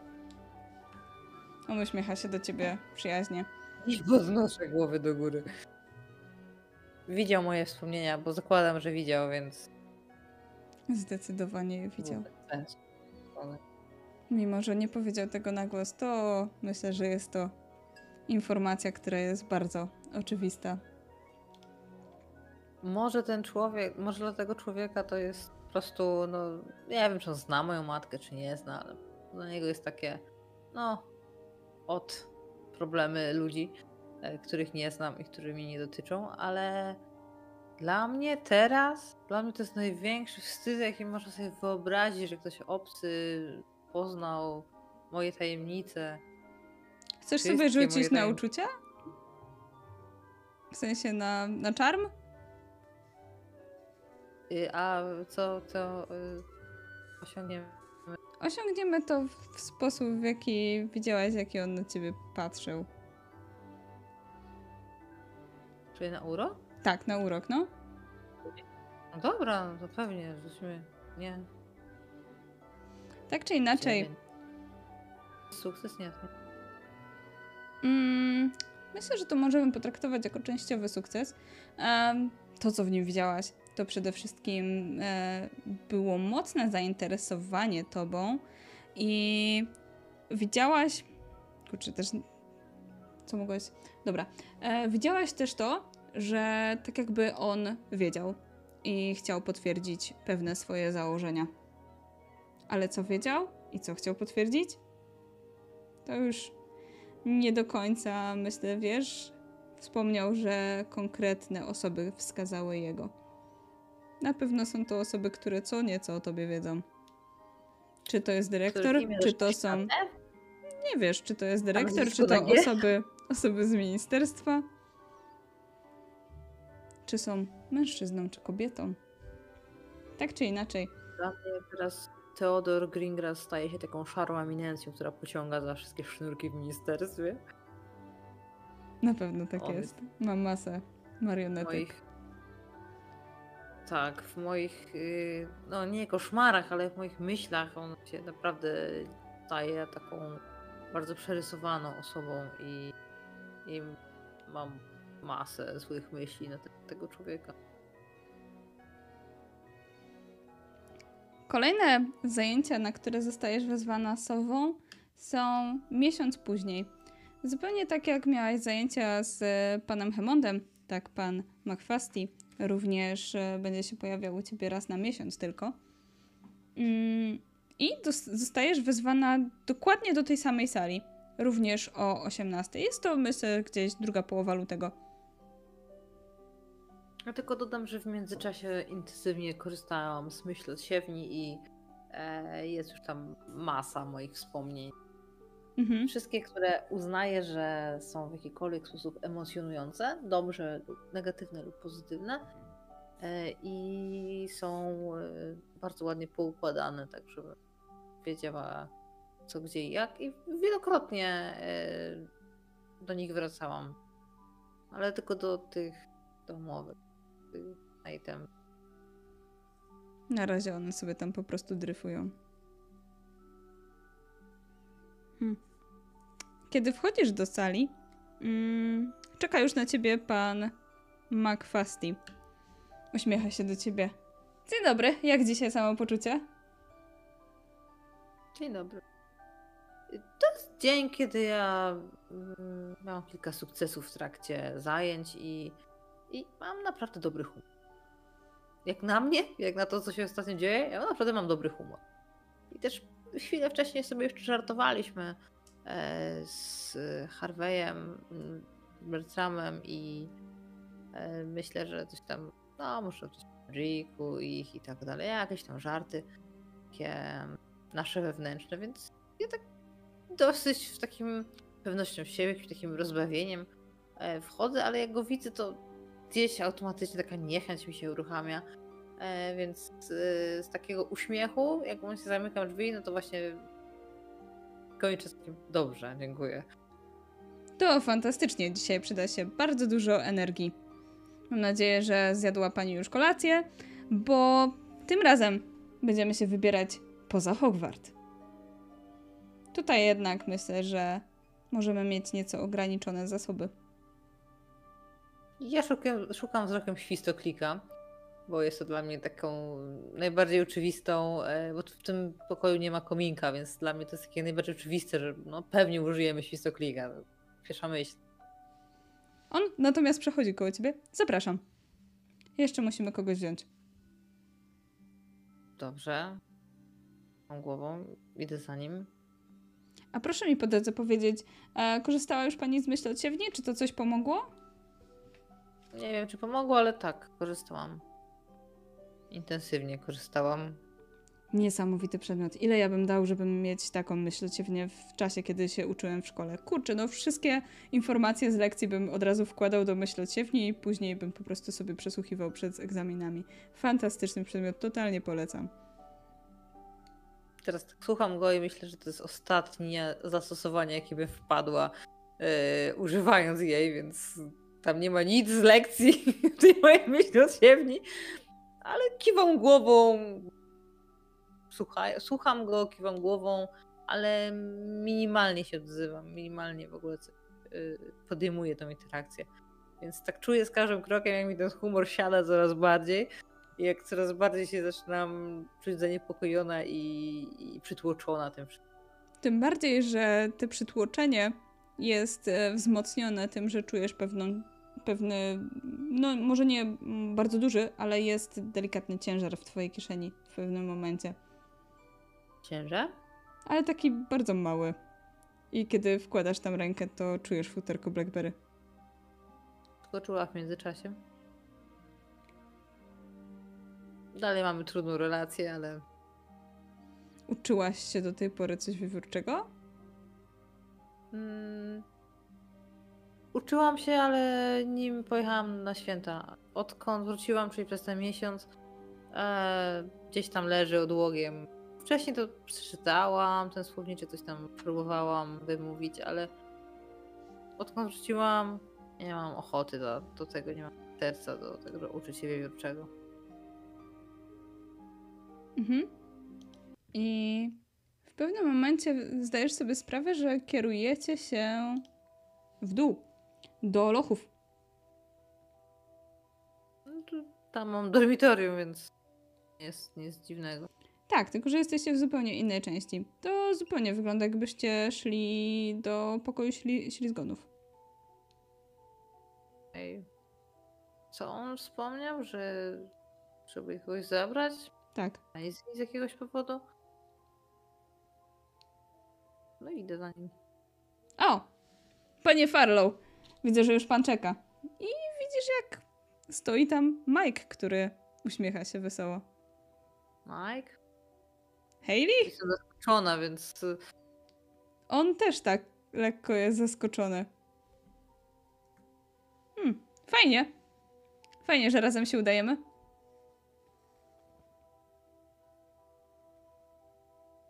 przy tym gościu nic nie mówię, ale jak y, jest tylko możliwość, że idziemy za nim dalej, to zrównam krok z Mike'iem. E, ogólnie e, pan mm, McFasty prowadzi was teraz na górę i wyprowadza was na zewnątrz. Jeszcze czarem przywołuje wasze płaszcze, no jednak jest druga połowa lutego, więc e, jednak jest tutaj jeszcze zimno. No. I udajecie się na zewnątrz. Kierujecie się w stronę wyjścia z e, terenu Hogwartu. no to w pewnym momencie zrównam się z Mike'iem. Ty co tutaj robisz? No co? Nie mogę? Robisz. No, bo niby. No. Bo pamiętasz, jak byliśmy wtedy w Hogsmeade? I prosiłem o Tak. praktyki? Tak. No to poprosiłem wtedy faktycznie o praktyki i, No i pamiętam. pani Kiwa skontaktowała się ze szkołą i będę mógł mieć te praktyki, ale na razie nie i no u pani Kiwy będę mógł mieć te praktyki, ale na razie nie, ale teraz niby jest taka sytuacja, że że moje zdolności mogłyby się przydać. Więc Czyli do zakazanego lasu? chyba nie. Z tego co wiem, to będziemy się deportować. Jej. A ty co robisz? Ja mam lekcje. Te dodatkowe. A, Nie słyszałam. ale super, to wy tak ciągle wychodzicie gdzieś? Nie, pierwszy raz. Ale fajnie. Ej, to jakbyście by znowu wychodzili, to weźcie mnie też. Patrzę na y, McFastiego. On idzie przodem, także daje wam przestrzeń na rozmowę. To tak wiesz, nie zależy ode mnie. Kiwam głową na niego, żeby dać znać, że to jest jego decyzja i ja tu nie mam nic do powiedzenia. No, w sumie racja. Ale i tak jestem ciekaw, co będzie. Nie powiedzieli mi za dużo szczegółów. W końcu mijacie bramę Hogwartu i po paru krokach e, McFasty zatrzymuje się i odwraca w waszą stronę. Mm, niedawno odkryto wzmożone ilości magii w pewnym obszarze na północy Szkocji. Jeszcze dalej niż, niż jesteśmy tutaj. Pójdziemy to zbadać. Po pierwsze, bardzo prawdopodobne, że spotkamy tam magiczne stworzenia. Spogląda tutaj na Majka. Słyszałem, że ty jesteś bardzo dobry w opiece nad magicznymi stworzeniami, wręcz wybitny. Mike uśmiechnął się trochę nieśmiało, ale jednak wypiął mnie pierś. A być może uda nam się i w tobie wzbudzić nieco więcej emocji. Uśmiechnął się do ciebie trochę bardziej tajemniczo. Trochę niefajnie. Masz takie ja dziwne wrażenie. wykrzyiłam podpowiedzi. Chwyćcie mnie za dłoń. Wyciągnął rękę w waszą stronę. I słyszycie lekkie trzaśnięcie i szarpnęło wami, kiedy, kiedy po chwili pojawiliście się w zupełnie innym miejscu. Jest ciemno. Wszak jest to już wieczór, lutowy wieczór, więc zdecydowanie jest wokół ciemno. Ono szepcze od razu Lumos. Zapalcie swoje różki również.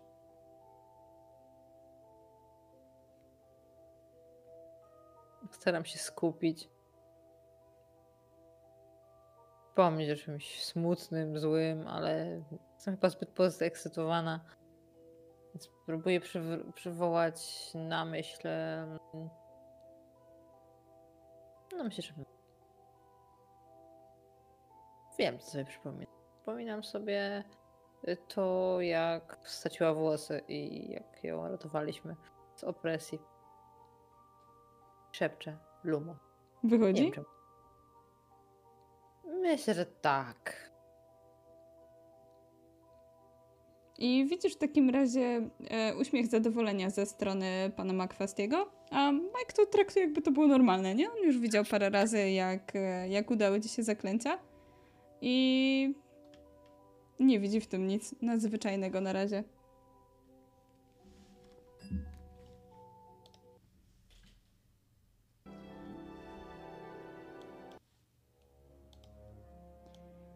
Łe, ta muzyka mi jednak nie pasuje, wracamy do innej. Może być tak. Dobrze.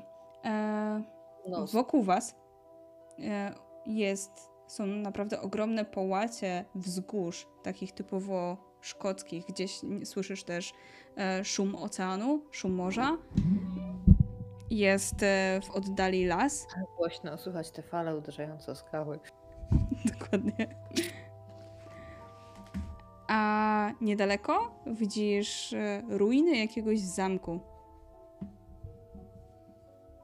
To całkiem popularny widok w Szkocji. Zgadza się. Makwasti wyciąga różdżkę i kieruje się w stronę właśnie tego zamku. Idzie pewnie. Wygląda jakby doskonale znał teren, co zresztą potwierdza, mówiąc: Uważajcie, tutaj jest dziura. Nie wpadnijcie. Tutaj możecie się poślizgnąć.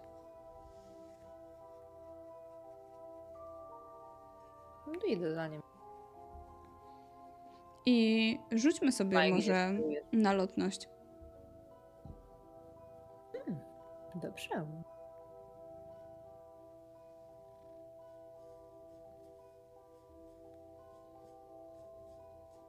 No, gadnij co. Dobrze. To nic. To po prostu nie wyczujesz. Ale w pewnym momencie usłyszysz. Usłyszysz trzepot skrzydeł i zobaczysz całe stado hipogryfów, które wzbija się w powietrze. To musi być piękny widok. Po chwili czujesz. Czujesz się bardzo, ale to bardzo źle. I masz takie uczucie, zupełnie jakby pan Makwasti znowu ci wszedł do głowy. Powiedz, które najgorsze uczucie teraz czujesz?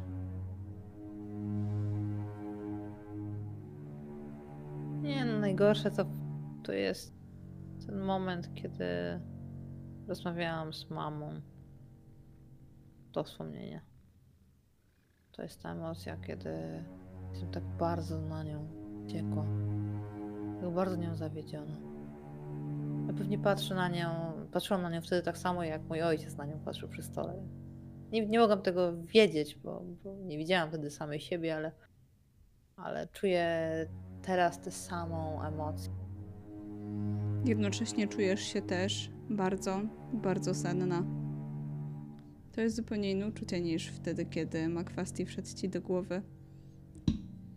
Masz wrażenie zupełnie jakby bawił się twoim ciałem, jakby bawił się tym, jak twój orga- organizm funkcjonuje, bo naprawdę jesteś szalenie senna i czujesz, jak ten koszmar wręcz wybrzmiewa bardziej w twojej głowie. I to jest koszmar, z którego nie jesteś w stanie się na razie wybudzić. I on jest coraz bardziej i bardziej widoczny, aż zatraczasz się w nim jeszcze bardziej.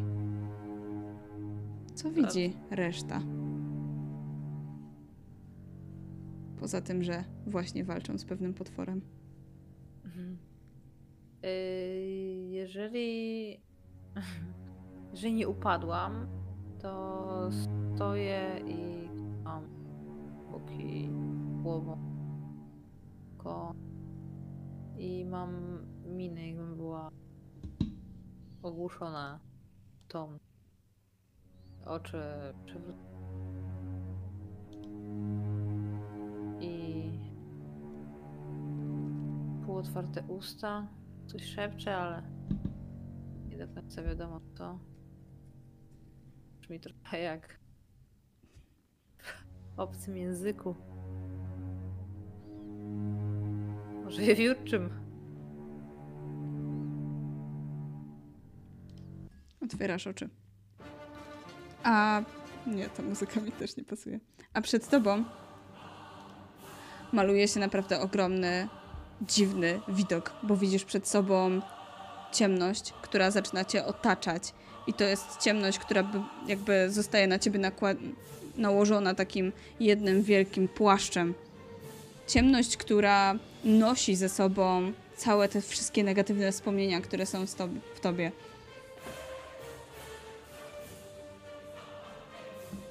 Co robisz? Widzisz, e, czujesz, że jesteś atakowana. Słyszysz krzyki Majka. Słyszysz zaklęcia rzucane przez Makwastiego. Czy to są zaklęcia rzucane na ciebie, czy broniące cię? Nie wiesz. Nie wiem. Nie wiem, ja się dodaję temu uczuciu. To jest. y, Ono jest nieprzyjemne, ale jest też takie kojące w pewien sposób. To Czyli jest jesteś atakowana. łatwe, żeby- Ale ja o tym nie wiem. Y, Jest takie, takie łatwe, żeby się tak temu poddać, żeby. Żeby było w końcu cicho i spokojnie. Czuję jak to coś otula mnie, jak taki ciepły koc w naszym dormitorium. Myślę teraz o tym kocu, tym żółtym kocu w naszym dormitorium. I, zaczynasz słyszę powoli śmiech- odpływać. Tak, zaczynam powoli odpływać i słyszę śmiech chłopaków w pokoju wspólnym. A potem myślę, zaraz, zaraz, co się dzieje? I teraz widzisz zupełnie inny widok, bo widzisz, jak ten płaszcz jest totalnie odtrącany tak naprawdę przez, przez mm, Majka. Majka, który ma wyciągniętą różdżkę, który e, rzuca zaklęcie Patronusa, które zaczyna, zaczyna cię okalać. Staje przed tobą tak naprawdę jako, mm, jako taka tarcza blado-błękitna. E, Wyciągnąłem. Jest to, jest to patronus, który wcale nie jest e, mm, zwierzęciem. Jest to bardziej coś takiego, jak ty wcześniej czarowałaś. Taka totalna zasłona, taka tarcza. Ale Wyciągam- Wyciągam ręce przed sobą i tak znużą palce w tym. czujesz. Jak dotykasz tego patronusa, to czujesz przyjemne uczucie, które cię otacza. Czujesz, że mm, nadzieja wraca w ciebie. Widzisz uśmiechy twoich przyjaciół, nie takie szydercze. Widzisz kojący uśmiech Maisie, widzisz wesoły uśmiech Harviego, widzisz e, wesołe przekomarzanie się Bertrama z Lokim. Czy wesołe, to nie wiem, ale y, czuję jak dopiero teraz zdaję sobie sprawę, jak to wszystko za mną było chłodne, jak mnie tak oblepiało takim chłodem, zimnem, a to jest to, co chcę, czego chcę się uczepić. Tam myśli, zaczynam o tym bardzo intensywnie myśleć, jednocześnie czując gdzieś jakoś jakiś instynkt samozachowawczy, żeby też wypowiadać zaklęcie Patronusa, bo to chyba właśnie teraz powinnam robić. Ja w ogóle się teraz orientuję, że ja mam różdżkę w dłoni, że ja na nie zaciskam. Miałam ją w ogóle chyba gdzieś schowaną w kieszeni, ale teraz ją wyciągam i mam ją przed sobą. Widzę ją przed sobą. Trochę dziwnie, ale widzę ją przed sobą. Expecto patronum. Expecto patronum. Expecto, expecto patronum. Powtarzam w kółko, w kółko, w kółko, w kółko. Skupiam się na tych myślach, skupiam się bardzo mocno, bardzo mocno. Próbuję, tak jak robiłam w myśli od siewni, wyciągnąć tylko te, których teraz chce się, te dobre, których, na których chcę się skupić, bo dobre też działają. Co prawda złe działają lepiej, ale teraz potrzebuję tych dobrych. I nie wiesz, czy to ty, czy to może Mike, ale światło tego patronusa jeszcze bardziej rozbłysło, a stworzenie, przed którym się bronicie, zaczęło się mocno wycofywać. Widzisz też pewien ruch. Widzisz też cielesnego patronusa, który wyskoczył z różdżki e, pana Makwastiego. Jest to. mm, Wygląda to jak e, potężne bydło, tak naprawdę, tylko z taką zmierzwioną fryzurą. Jest to zdecydowanie szkocka krowa, która teraz sunie i odpędza stworzenie. I widzisz, że Mike odwraca się, żeby spojrzeć na ciebie, czy wszystko w porządku. To śmierciotula! Jest szalenie niebezpieczna! Stań za mną! Ja mogę dopiero się, teraz dopiero mogę się ruszać, więc robię te kilka y, kroków, staję za nim, patrzę na to coś, co mnie przed chwilą owładnęło. I to jest dosłownie moment, kiedy ono e, zatacza tak naprawdę w tym swoim płaszczu e, ruch i znika. Ale to z, wygląda zupełnie tak, jakby kłaniało się na koniec, żeby tak naprawdę wyjść ponownie po, po bis. A na bis wychodzi coś znacznie większego, bo słyszysz ogromny ryk. A po chwili z, z nad tego budynku, do którego się kierowaliście, wyłania się ogromny smok smok, który jest po prostu przepiękny. Widzisz tak, że jest ogromny. Ma około 20 metrów długości i ciemne łuski, trochę takie jakby były szorstkie, bardzo mocno błyszczą. Widzisz błysk fioletowych oczu, kiedy wzbija się w powietrze. Wzdłuż grzbietu ma rząd małych, ale ostrych takich wyrostków kolczastych. A ogon zakończony jest takim szpikulcem w kształcie grotu strzały. Sunie w waszą stronę. Nigdy się nie czułam tak bezbrodna. Ale mam wrażenie, że nagle mam taką stopklatkę. Ja słyszę ten wykład na spotkaniu e, Tajnego Towarzystwa o śmierci Otuli. E, przypominam sobie, tak teraz się czuję, jakbym właśnie pochylała się nad myśl od siewnią. E, I może to przez to, że przez miesiąc intensywnie z niej korzystałam i teraz też mam takie przystanek, gdzie mogę na chwilę wyciągnąć to, to wspomnienie, gdzie mogę na chwilę e, skupić się na tym. E, I to mi chyba pomaga się, pomaga mi nie spanikować i się tak w tej całej sytuacji yy, znaleźć tu i teraz. I, i, I znowu przychodzą mi na myśl zaklęcia z księgi. I słyszysz, No, kiedy ale- ten, ten smok zbliża się do ale- ciebie, słyszysz również przestraszone, ale jednocześnie podekscytowane słowa Majka. To czarny hybrycki. Jest jeszcze bardziej niebezpieczny niż zielony smok walijski. Heli, na pewno go widziałeś. To przecież jest... To ten smok, którego szkielet jest w sali obrony przed czarną magią. To ten sam rodzaj. Ten jest większy. jest większy, ale kiedyś, kiedyś jakaś pani, pani Hekat pokonała takiego w 878. Teraz też damy radę. Obronię cię.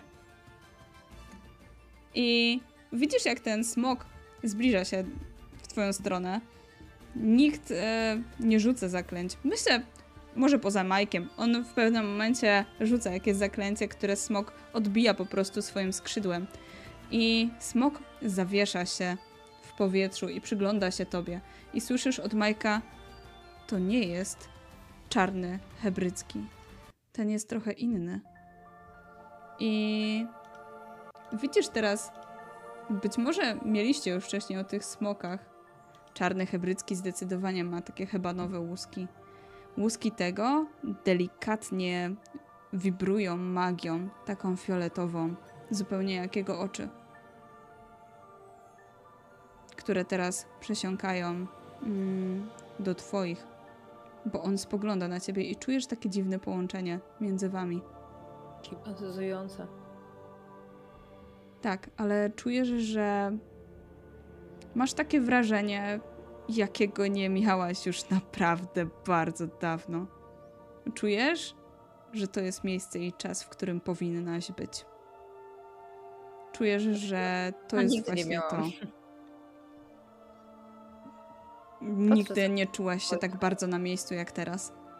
Patrzę całkiem spokojnie w oczy wielkiego smoka, który zawiesił się w powietrzu gdzieś nade mną, ale on jest daleko, ale mam wrażenie, że. Nie jest daleko, jest dość blisko. Znaczy, daleko w sensie, no nie jest przede mną, Nie. ale mam wrażenie, że tak jakby w takich szybkich stopklatkach zbliżały się nasze spojrzenia. Tak jakbym była na wysokości, na wysokości, na bliskości z nim takiej, że, że praktycznie mi się nos dotykał do niego i, i czuję jak cała ta magia z niego emanuje i mam dziwne wrażenie, jakby ze mnie też emanowała taka magia.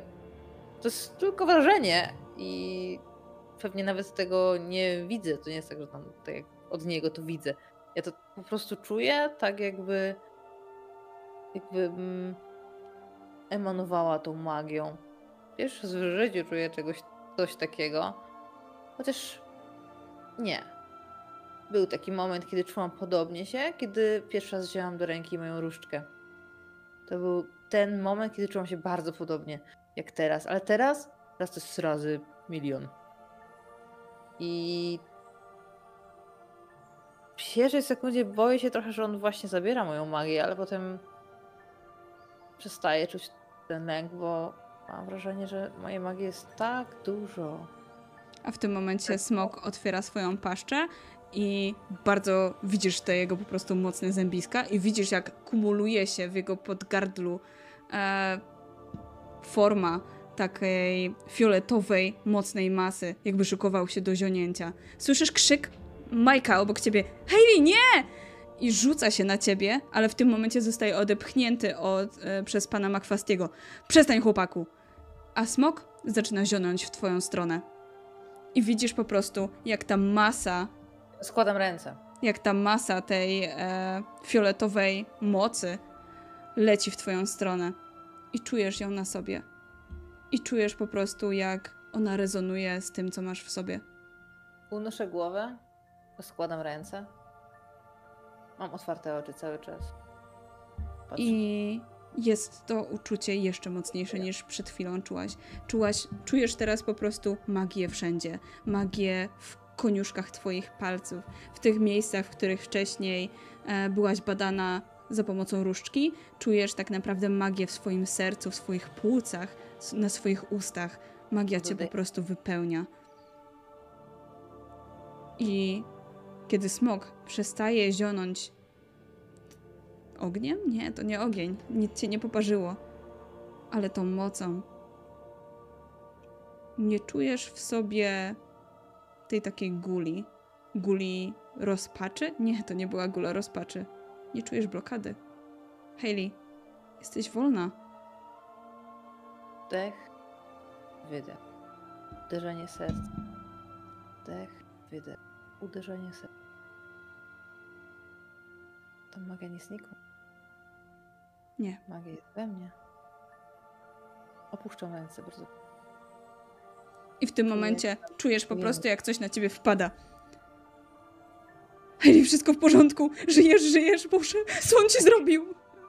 Pocisk Majka. Tak. On chwyta cię, patrzy. I tak? czujesz, że rozluźnia się, kiedy widzi, że żyjesz. Wszystko jest dobrze. Wszystko jest dobrze. I czujesz jeszcze jeden dotyk, bo ręka ta ogromna ręka pana Makwastiego spoczywa na twoim ramieniu. Kiedy na niego spojrzysz, jego oczy błyszczą w ten fioletowy sposób, jak oczy tego smoka. Ja teraz Tylko kiwa fakt głową. A więc to o ciebie chodziło. Smoka, Mówi. oczy smoka, oczy tego mężczyzny. Mam wrażenie, że moje oczy teraz też tak świecą. A więc to ty jesteś tą osobą. No nic. Hayley, mówi teraz już nie używając twojego nazwiska. Wydaje mi się, że w takim razie teraz mamy dopiero ręce pełne roboty. Musisz przecież nauczyć się wszystkich czterech lat, które masz ze sobą. Wracajmy.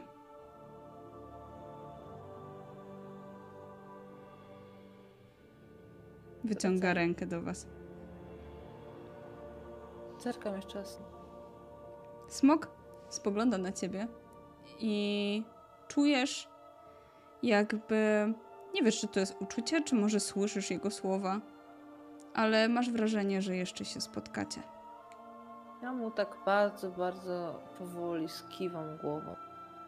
Z szacunkiem żegnam. A mi na razie. Ale wiesz co?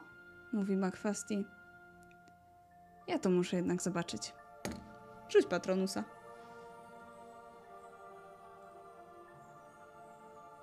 Ja nigdy nie schowałam różdżki. Expecto patronum. Jak wygląda twój patronus? Coś przypomnieć, jak się nazywał ten ptak. Memortek. Lemort. Więc z mojej różdżki najpierw wydobywa się niebieska mgiełka. Ona powoli przekształca się w pióra, ogon, bardzo długi niebieski ogon, a potem w ciało ptaka, memort. Wyjątkowego ptaka. Zupełnie jak ja. Jakie jest twoje uczucie, kiedy widzisz go po raz pierwszy? Bo to jest dokładnie ten ptak, który spoglądał na ciebie w momencie, w którym pewna kobieta badała twoją krew. Ale teraz o tym nie myślę. Teraz patrzę, jak powoli unosi się na skrzydłach, wiruje w powietrzu. Wokół mnie, wokół Majka, wokół pana Makwastiego. Po czym spruwa z rozłożonymi skrzydłami i przysiada na moim ramieniu.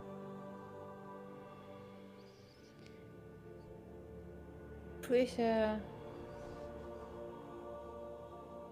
szczęśliwa, bo w końcu mogę czarować. I to bez problemu.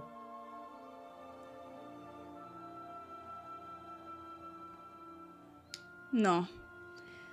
To wygląda na to, że teraz naprawdę mamy ręce pełne roboty. A pan, panie Farlow, niech lepiej ma pan się na uwadze, bo proszę zobaczyć. Hayley ma naprawdę duży potencjał. I na pewno pana wyprzedzi, jak i wszystkich pozostałych w nauce. Mike tak patrzy na ciebie. Ale ekstra.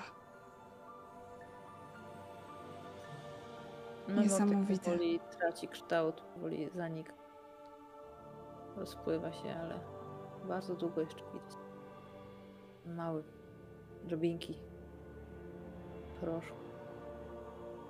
Powoli rozpadają. To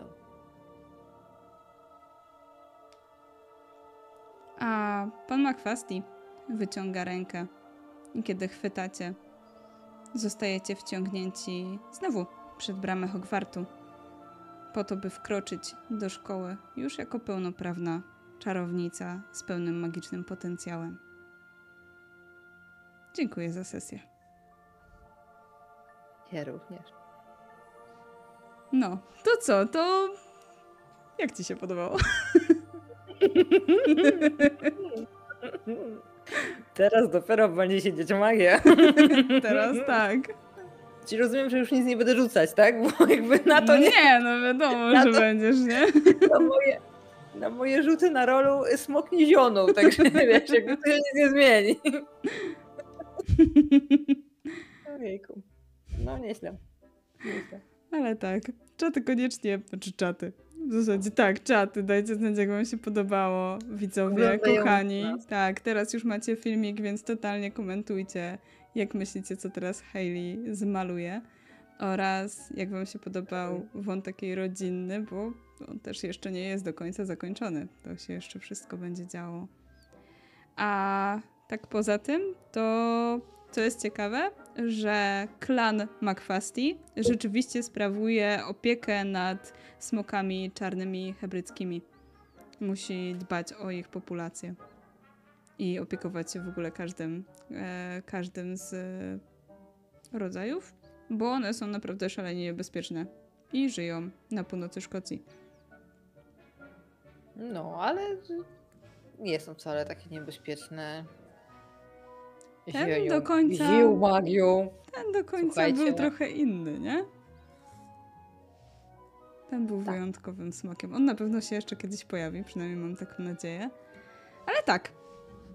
No cóż, dziękujemy w takim razie za sesyjkę. My się będziemy już powoli z wami żegnać, a wy totalnie zostawiajcie Było komentarze.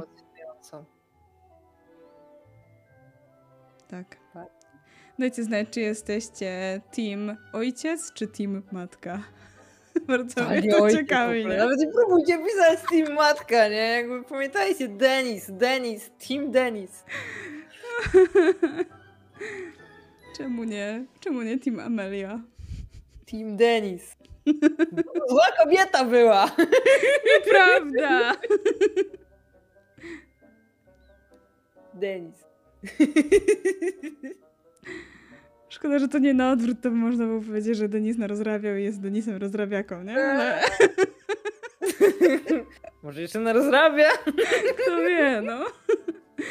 No cóż, świat Hailey na razie stoi przed nią otworem i zobaczymy, ile jeszcze łez wy uroni, a może trochę więcej się pośmieje, zobaczymy. Zapraszamy na kolejne sesje i trzymajcie się. Bye!